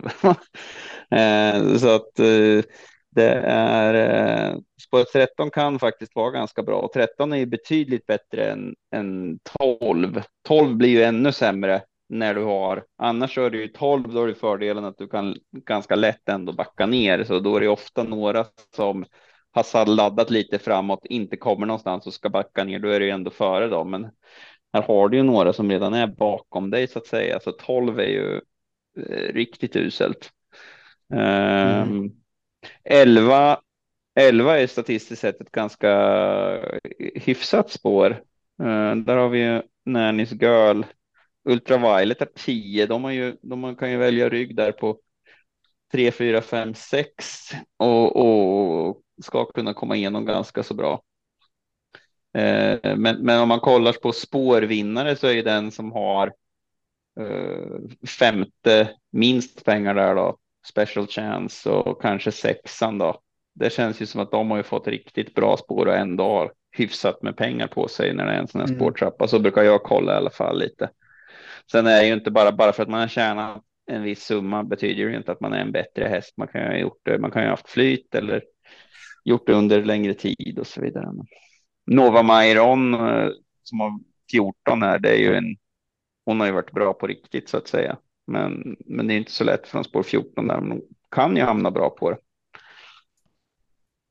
Efter ett tag. Mm, det känns lite stökigt så här på förhand. Vad har vi Marco i det här? Ja, jag valde mellan Nova eller Celias, men jag, min första tanke var den sistnämnda Celias. Eh, Mega Force. De går barfota runt om. Anmäld så i alla fall. Kanske skulle kunna överta spets i läge eller någonting. Jag vet. Någonting mer ni vill lägga till här? Ja, vi nämnde väl nästan alla hästar, eller Oskar. Ja, jag gjorde det. ja, jag nämnde dem inte som vet att de kan vinna. Jag bara tog dem som exempel på olika spår där. Uh, men, nej, men det är stökigt. Spårtrappa 1 till 12 är ju en helt annan grej när det är så här 1 till 15. Det ställer ju till det en hel del med de där tre hästarna i, i, i tredje led där. Uh, för de som ska backa ner. Alltså då ja, hamnar man ju på eh, tilläggshästar. Även som ja. till exempel. Så det, det blir extra rörigt. Ja, men alltså säg blir special chance hängande där och ska backa ner. Ja, då, då får de backa ner bakom Nova Mairon 1,4 miljoner och Collier IT 1,6 miljoner. Det är bra rygg. Alltså, jo, det är bra ryggar, men det är ju jättetråkigt att hamna bakom dem. De skulle ju ha 20 till 40 meters tillägg på henne i normala fall. så att, det är ju tråkigt att bli hängande. Så. Alltså det är, det är ändå tråkigt. Alltså jag tycker det här är ju en bra lösning om, om man inte vill köra diamantsto normalt sett i voltstart så är det här en bättre lösning med 15 hästar. Men hela omgången har ju faktiskt inget voltlopp, vilket är lite synd. Så att jag, hade ju, jag hade ju hellre sett en vanlig diamantstor-final med tillägg och grejer. Um, mm. Av den anledningen faktiskt. Varför måste det vara autostart bara för att det är finaler? Det är, tycker jag är en ganska befogad fråga. Vad i hela friden har vi det för? Alltså det finns ju, Nej, som jag det... tycker, voltstart, har man en vettig häst, då, då finns det väldigt många bra spår i volt och du får chansen liksom. Om, ja. Alltså det är lättare att hamna vettigt till. Jag menar, jaha, det är final, jag fick sport 8 eller 12. Ja, men då är man ju fuckad liksom. Men när det är voltstart, ja, men det kan ändå hända grejer eh, som gör att du kommer bra till i loppet. Och jag, jag, jag förstår inte det där. Varför varför ska det vara auto? Men... Vi har ett lite roligt system i Sverige där man ska för att tjäna pengar så, eh, så måste det vara bra i voltstart för det finns nästan inga autolopp. Och sen när du väl har tjänat pengar, då finns det inte voltlopp längre. Jag menar, gulddivisionen med voltstart finns ju liksom inte och det är ett mysterium. Jag förstår inte varför, men, men de hästarna startar ju bara auto alltid. Men är det här något nytt påfynd att de har, för att jag minns inte att det varit så här. Alltså nej, de har aldrig gjort så här förut. Ja, nej, de har aldrig gjort så här förut, så ja. vi var ju liksom oj, det här blir kul med finalen på Åby och så liksom vart man lite chockad. Bara, men vad, vad har de gjort? men, men eh, som sagt, det kan funka. Det, det, det kan bli, det kan det, bli bra. Det. det är väl allt det här Twitter-hatet mot våldstart som de har lyssnat på. ja, Ja, vi kör en volt, voltfri omgång. Nej, jag tycker det är konstigt. Jag tycker vi har ändå, det är ett roligt system vi har i Sverige. Sen är det klart, när det är, när det är 12 hästar samma start, volt, det blir lite stökigt och tycker väl inte att det är eh, så himla. Vi har inget jättekul system i Sverige egentligen för när det är fulla volter och springspår så där. Det blir lite trångt, men, men eh, generellt sett så tycker jag väl att jag, jag, förstår inte varför, varför alla lopp som det är lite som det är mer än 100 000 i, då måste det vara autostart. Det känns som att det ja, finns ju ingen fantasi bakom det. Ja, det är 3000 meters lopp med tillägg då. som det finns några stora. I övrigt är det ju inte alls. Det är också dagens dubbel 1 med 15 hästar och sen 12 hästar i dagens dubbel 2. Så det kan bli lite värde där också om man är ute efter sånt. Mm. Vi går in på dagens höjdpunkt får man väl ändå säga, V75 7. 3140 meter autostart den här gången och det är alltså Åbys stora pris. Gulddivisionen också för den delen. Försök inför final för Bergsåker 26 augusti. Så det kommer lite i andra hand med tanke på att första pris är en och en halv miljon. Vi har alltså en väldigt lång distans, meeting, eh, meeting stay-distans i det här fallet 3140 meter. Och då har vi 12 hästar. Vi har 1 Gangnam Style K. 2 Usain Tull. 3 Rackham. 4 Power. 5 Fido 7 med reservation för uttalet. 6 Bengurion Jet. 7 Aetos Kronos. 8 Admiral As. 9 Hades de Vandell. 10 Kentucky River. 11 Hieroboko och 12 Unico Broline. Och här har vi då äran att starta hos Marco. Ja, det varit inte lätt då. Första blicken hamnar på sex Bengurion Jet. Gocciadoro. Känns som att den kanske blir betrodd. Tror. Mm. Ska man ha roligt så skulle jag säga Etos Kronos. Den tror jag inte blir så hårt spelad. Hoppas jag inte alla Spår 7 i det fallet. Men eh, sex Benguri 1 säger jag först. Ännu en gul kusk i sammanhanget. Burman, var hamnar du här? Eh, också otroligt svårt. Det, det som jag slänger in på spikraden och det som jag kommer säga här, det är ju en riktig jävla outsider. Så att eh, ska man ha riktigt smällsystem, då ska man ju spika mina två sista här. Så att jag, jag slängde ur mig 12 Unico Broline. Eh, jag vet inte riktigt, alltså det, den, den har ju gått bra den här tävlingsdagen tidigare. Det vet jag något år som den, det var väl när den fick sitt genombrott på V75, det var ju typ den här tävlingsdagen, om det var ett eller två år sedan. Sen har den ju haft två väldigt bra lopp på slutet. Sen är det väl, det är ju, det här är ju huvudet högre för den, men jag vet inte, de kanske kör som dårar och den kommer in i loppet liksom. Eh, så det var mycket bara en magkänslig grej och så kände jag spontant att mina spikar, ja den 1 till 5 var väldigt favoritbetonad eftersom jag bygger raden ungefär som det skulle vara ett system så är det väl för att få upp någon slags värde där, även om det är bara en konstru teoretisk konstruktion. Jag tror att om, om jag om jag nu skulle få för mig att spika seriöst när jag, kom, när jag liksom kommer närmare spelstopp, om jag känner att jag är tvungen att spika här, då, då kommer jag nog hamna på nio Hades de Vandel som jag tycker är en ruskig häst. Eh, och som ofta är så här att man behöver liksom inte hålla på och köra honom spårsnålt och så där. Han är lite mer som en sån här etonant typ, att det bara ut och gasa med honom liksom. Eh, och det känns som att Backer är den typen av kusk också, så att jag, jag tror att han Eh, han kan gå jävligt fort på ett sista varv liksom. Eh, så det är väl den eh, mer se min seriösa första take, men den som jag gick på var Unico Broline. Jag var också inne på Hades Vandell. Tror den kommer... Eh, en eh, reflektion där kring just Unico Broline, Erik Adielsson som kusk, en av våra främsta profiler och företrädare. Men eh, rent resultatmässigt så känns det inte som att han är särskilt het när det gäller att vinna Nej. lopp. Nej, alltså det, det är väl om man, om man, om man tar bort uh, segrarna med um, Hellbent och um, Joviality. Jag vet han har nog inte supermycket vinster med andra hästar i år. Alltså han har haft ett ganska mycket sämre år än vad han brukar. Och, så att han är vass i voltstart. Det har han en plus på. Ja. Mm. Mm, ja, det var bara en reflektion här som kommit fram. Absolut. Men, med... ja, men han är ju, han är ju, Adelsson är en av dem som, som väljer att ta ganska ordentlig semester varje år och eh, väljer att inte åka så himla mycket. Och det funkar ju så länge man är absolut ja, men bäst.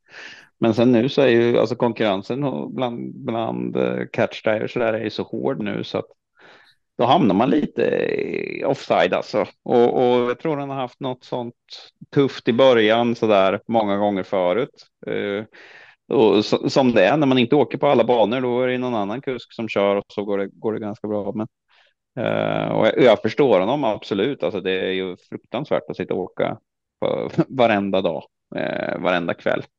Men ehm, jag tror det, det, det, är så många nya ruggigt bra kuskar som finns nu, så jag tror, jag tror, jag tror inte att Adilsson är nog inte så mycket sämre, utan det, det är liksom uh, han får, får köra lite sämre material och, och, och då är det tufft alltså. Det, det är skillnad mot de, bäst, de som är hetast för dagen, de har ju ofta fyra hästar att välja på i varje lopp och kör oftast bästa hästen också.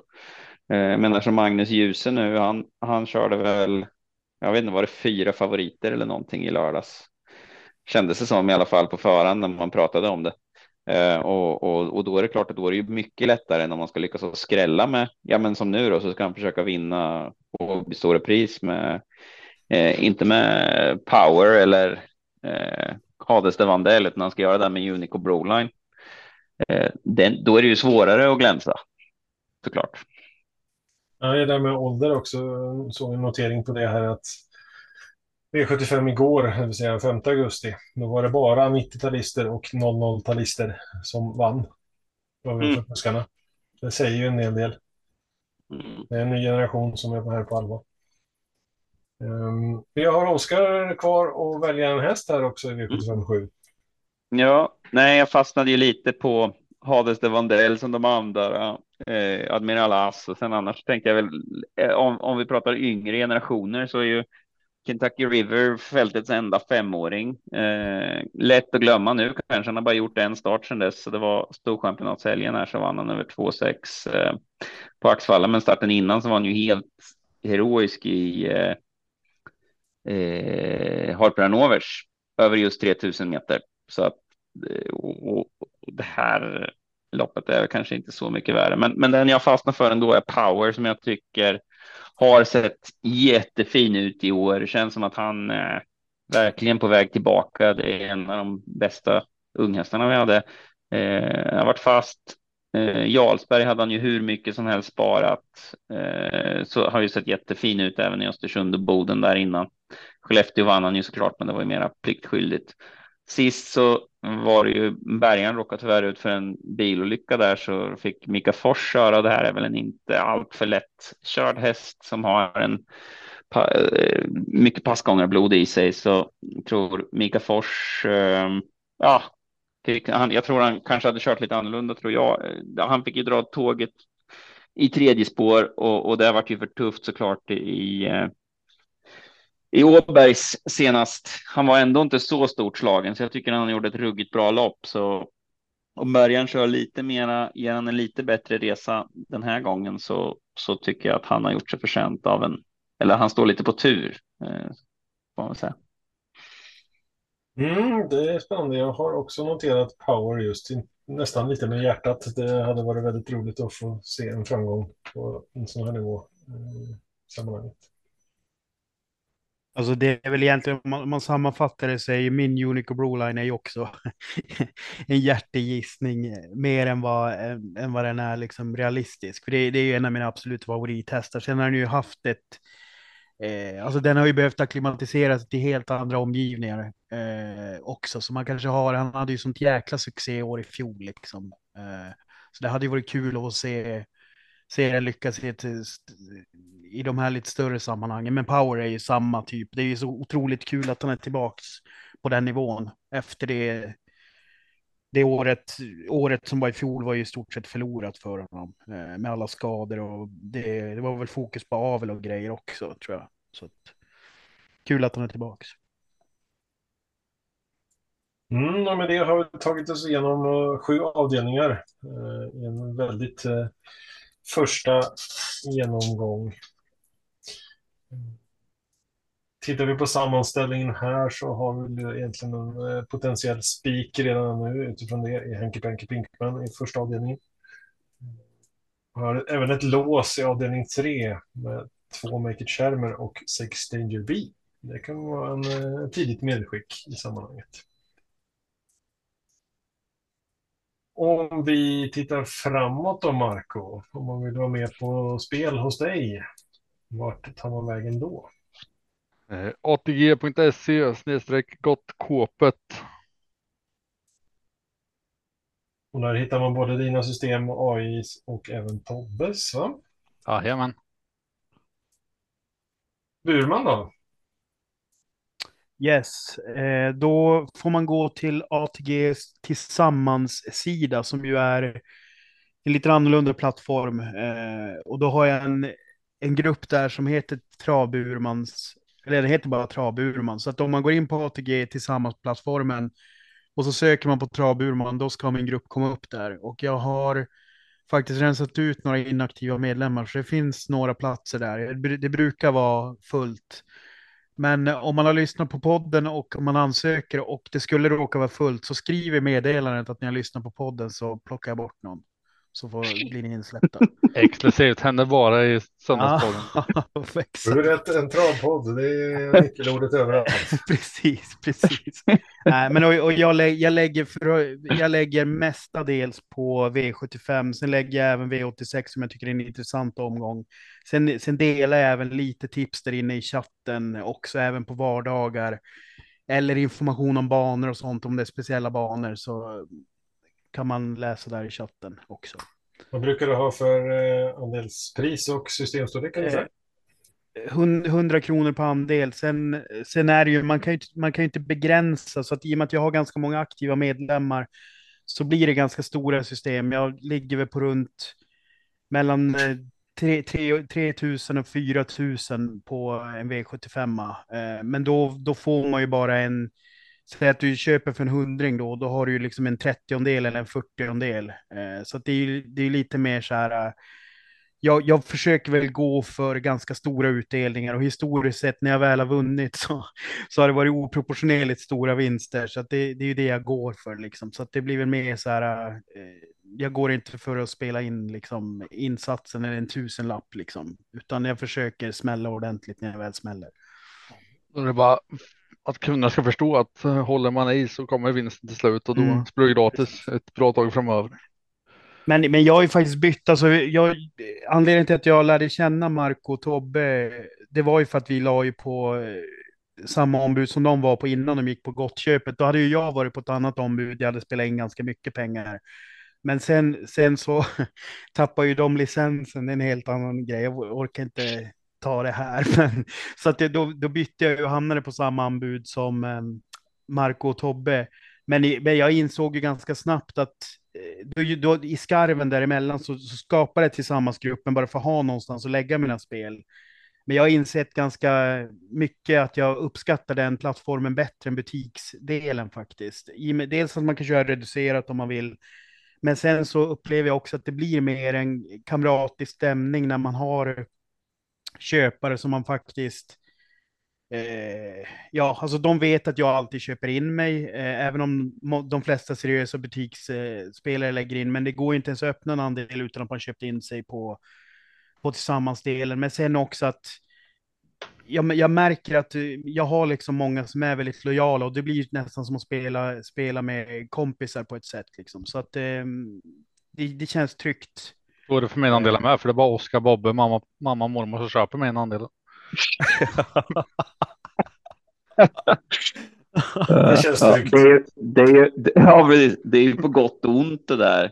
Eh, jag vet när, när för, för, många år sedan, då hade eh, frugans släktingar var med på någon häst som lyckades bli tvåa ganska ofta. eh, alternativt, det krånglade och sen var flera av dem med på V75 så där. Så bara, ja, hur går det då? Bara, ja, det går lite så där. Det är ju inte alltid bra att känna, känna dem som man lägger, lägger spel åt. Nej, men det här är ändå någon slags gyllene mellanläge. För, för att jag håller med, jag håller med dig där, men jag, jag, jag periodvis, eller jag försöker undvika överhuvudtaget pracka på liksom anhöriga som inte är travintresserade bara för att de ska spela med mig. Liksom. Så att jag har väl några anhöriga som är med i gruppen, men det är liksom av fri vilja. Inte för att jag har dragit in dem där. Liksom. Så att det ändå, man, man, slipper, man slipper den biten att man behöver stå till ansvar. Folk får, får liksom vara ansvar för sina egna pengar. Däremot så har jag väl själv så här, från början kanske jag hade en naiv syn på hur, alltså att mm, jag hade satt en gräns där att folk kunde, vill folk spela för mer än vad jag gör så kunde de göra det också. Men nu har jag ändå satt en gräns som är mer plan så att man kan köpa max två andelar hos mig liksom. Så att man är ändå lite rädd om folks pengar liksom. Mm, mm. Och just när det kommer upp i så pass stora system som du säger, man pratar ett antal tusenlappar, då är det mm. ännu viktigare att göra som du gör, anser jag, att uh, faktiskt spela reducerat. Vilket uh, i korta drag för den som inte är insatt, det handlar om att lägga mer pengar på de hästar man tror mer på. Så det är en väldigt viktig aspekt i sammanhanget. Mm. Det är en stor fördel, men det där med reducerat blir ju. Jag föredrar ju om jag är, om jag är med på system så där. Så föredrar jag ändå att vara med på raka system så att mm. för jag, jag gillar ju. Jag älskar ju det här. Alltså nu när det är trav på en massa småbanor och skit. Jag blir så irriterad varje gång. Nu har jag vant mig. Men alltså den här grafiken som kommer upp, man kan välja, man kan följa hästarna i grafiken, vart mina hästar är i loppet. Jag tycker att det förhöjer ju allting så himla mycket. När man är med på något reducerat system, det känns mer som någon form av investering, för då ska man försöka klura ut, okej, okay, ja men vem hejar vi på i det här loppet då? Ja, där du, häng med här och så ska man ha en så här fem minuters utläggning för att lyckas klura ut vilka man hejar på liksom. Så, så, men, men alltså själva systemet för att och, eh, för att optimera vinsten är ju självklar. Mm. Det är bara ju, på, eh, så är det absolut. Bara med godkänna GoPro också, så man kan välja och se de hästarna man har, har spikat. Mm. Man blir ännu mer frustrerad i soffan. Ja, Lättare för domaren med. Det, det, det var ingen drivning. Nej, ska vi kolla. Visa GoPro. Nej, jag tappade ja. den. Och decibelmätaren. Nu skrek han för mycket på upploppet. Ja, det är också. Jo, men jag ser ju bara fördelar med det där. Det vore väl svinbra om vi hade det. Men, eh, men det, det är väl just. Det är väl, det är väl en del sådana saker och GDPR och fan och hans moster på det där. Men eh, jag tror inte att det är någon. Är man, är man med på V75 så är det inte så där att det är någon. Någon skräll att man är med i tv. Nej. Får köra svartvit eh, GoPro om det hjälper. Mm. Får blurra allting. det blir som en eh, dålig, eh, dåligt videosamtal. Eh, kameran inte fattar vem som är i bild. Eh, för den som har en lite mindre plånbok, eh, välkomna in eh, medlemmar i mitt tillsammanslag. Där, som heter ÖS på 3. har funnits sedan 2014 tror jag. Där andelarna är 3 kronor. Då får man köpa in sig på 10 som mest. Men, igår så trots en liten sexa, eller två sexor, så var det fyra gånger insatsen. Så okej, okay, då har man en månad gratis spel framåt. Så, även de små pengarna kan bjuda på underhållning. Det smäller till ibland. Ja, men jag kan tycka det är roligt att lägga ett litet spel och gå rakt upp på sina tankar. Ja, men just spika tre, tre stycken. Det är en ganska skön känsla. Mm. Ja, nu kör vi på det här. Och Oskar har inga andelsspel, men andelshästar. Mm.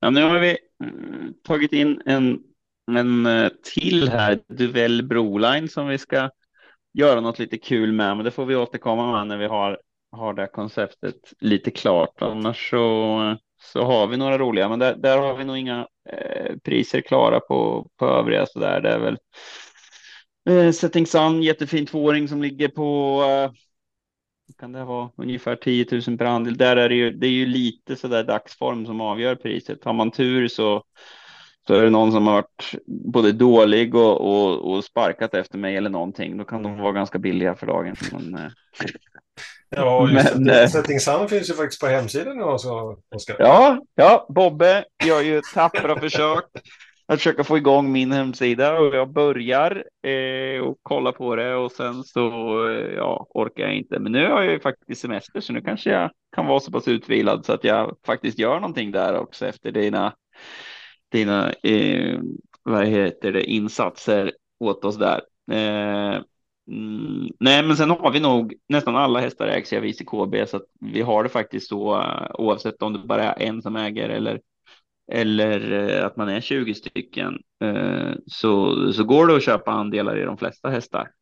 Så att det är bara att, att, att, höra av sig och det går att höra av sig till mig om man bara är intresserad av det här med att äga häst också. Så hoppas jag ju såklart att man, man skulle vilja ha den hos mig, men annars så så kan vi bara snacka om det så att säga. Det går jättefint. Måste du köra den då Mälon när det kommer ut till V75 eller kan man välja en annan? Jag, jag har ju som, nej men jag har ju, men det, det, är faktiskt en ganska bra grej. Det har faktiskt hänt att jag har satt upp andra kuskar bara som att göra reklam för att ni måste inte ha mig. Eh, hos mig så får ägaren välja. Eh, om inte ägaren vill att jag ska köra, då vill inte jag köra. Eh, och, eller ja, det kan jag ju vilja ändå. Jag, jag har som krav att jag vill köra i början för att jag får så pass mycket bra information från hästen av vad behöver jag ändra i balans eller i träning eller så vidare för att den ska utvecklas. Det var ju lite så som och därför Redén körde själv här nu. Han körde Greensboro set igår för att få det och det vill jag gärna göra i början av karriären eller när, när det är någon comeback eller jag vill testa av någonting. Men annars så får, får, får ägaren välja en kusk eh, så länge jag tycker att det, det är ett vettigt val. Uh, och det kan ju vara en del som blir, alltså en del blir så jäkla arga på kuskarna så då kan det vara så. Det, det är bra för mig.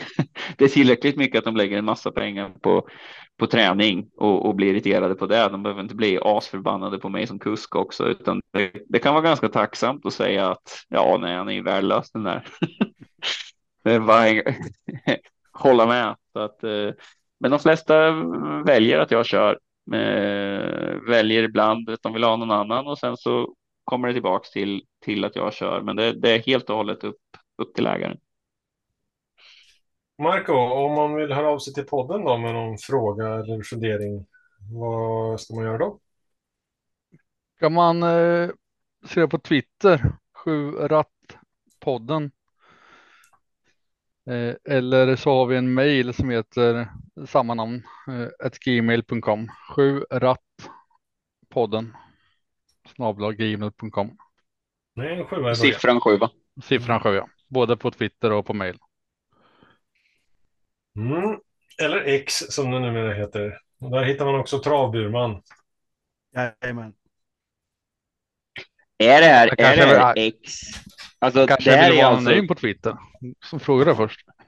Sido, si, sidospår här bara. Alltså det här med att världens kanske mest, ja, en av i alla fall de mest intelligenta människorna i världen hittar på att vi tar den här plattformen som är väldigt populär och så, bara, och så byter vi namn. Okej, okay, man kommer på ett bra namn. Men X, det är ju... Det, det var ju ett gammalt namn som man har haft tidigare på saker och ting och koncept. Om jag förstått saken rätt. Så det är någon form av nostalgi där från... Eh, alltså, jo, från han ja. Ja, han Men... är ju så snuskigt rik så han kan ju ha råd med sånt. Ja, ja. Sen kan man ju tycka vad man vill om det. Ja, jo, jo, det är klart. Det är ju, det är ju skitsamma om man förlorar fem miljarder på det. Så det spelar ingen roll. Ja. Jag får väl uppfinna en, en elektrisk helikopter då. You win some, sälja den. ja. uh, nej, men ändå, det känns ju bara så, ja.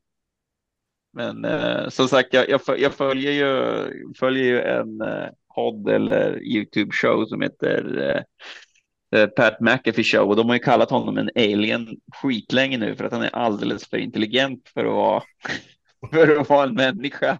Och så döper han den till X som är X-Files. Jag tycker den är, den är ändå lite intressant. Mm. Mm. Är, han, är han människa egentligen? Där får vi hej till röda tråden. Ja, säg inte det. Vadå? Twitter X X-Files. Jag tycker det är givet. Nej, jag ser den röda tråden. Ja, det är tur att det är någon som gör det. Hörrni, vi tackar så mycket för idag, inte minst Burman för eh, härligt deltagande. Tack för att du ställde upp.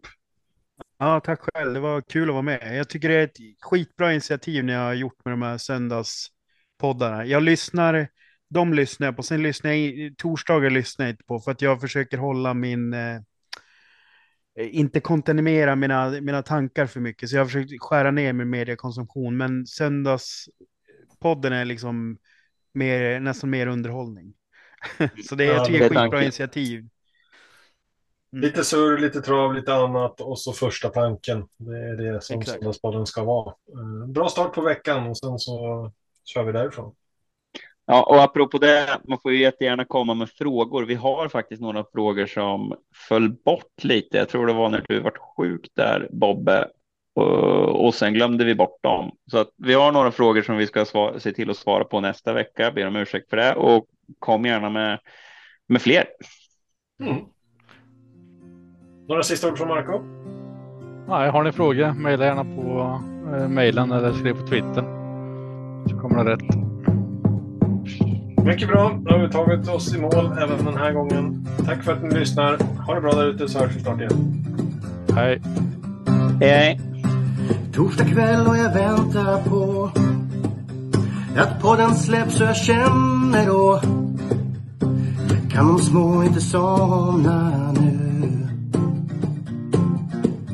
När det senare plingar till är det enda jag faktiskt vill att få min egen tid tillsammans med Gustav, Marco, Tobbe och Trav Lucka V75 och bara koppla av. Sju rätt, en travpott är vägen till vinst. Sen siktar vi mot drömmen och lördag igen. Tja-la-la. Sju rätt, en travpott för dig Tja-la-la. Vi siktar mot lördag igen.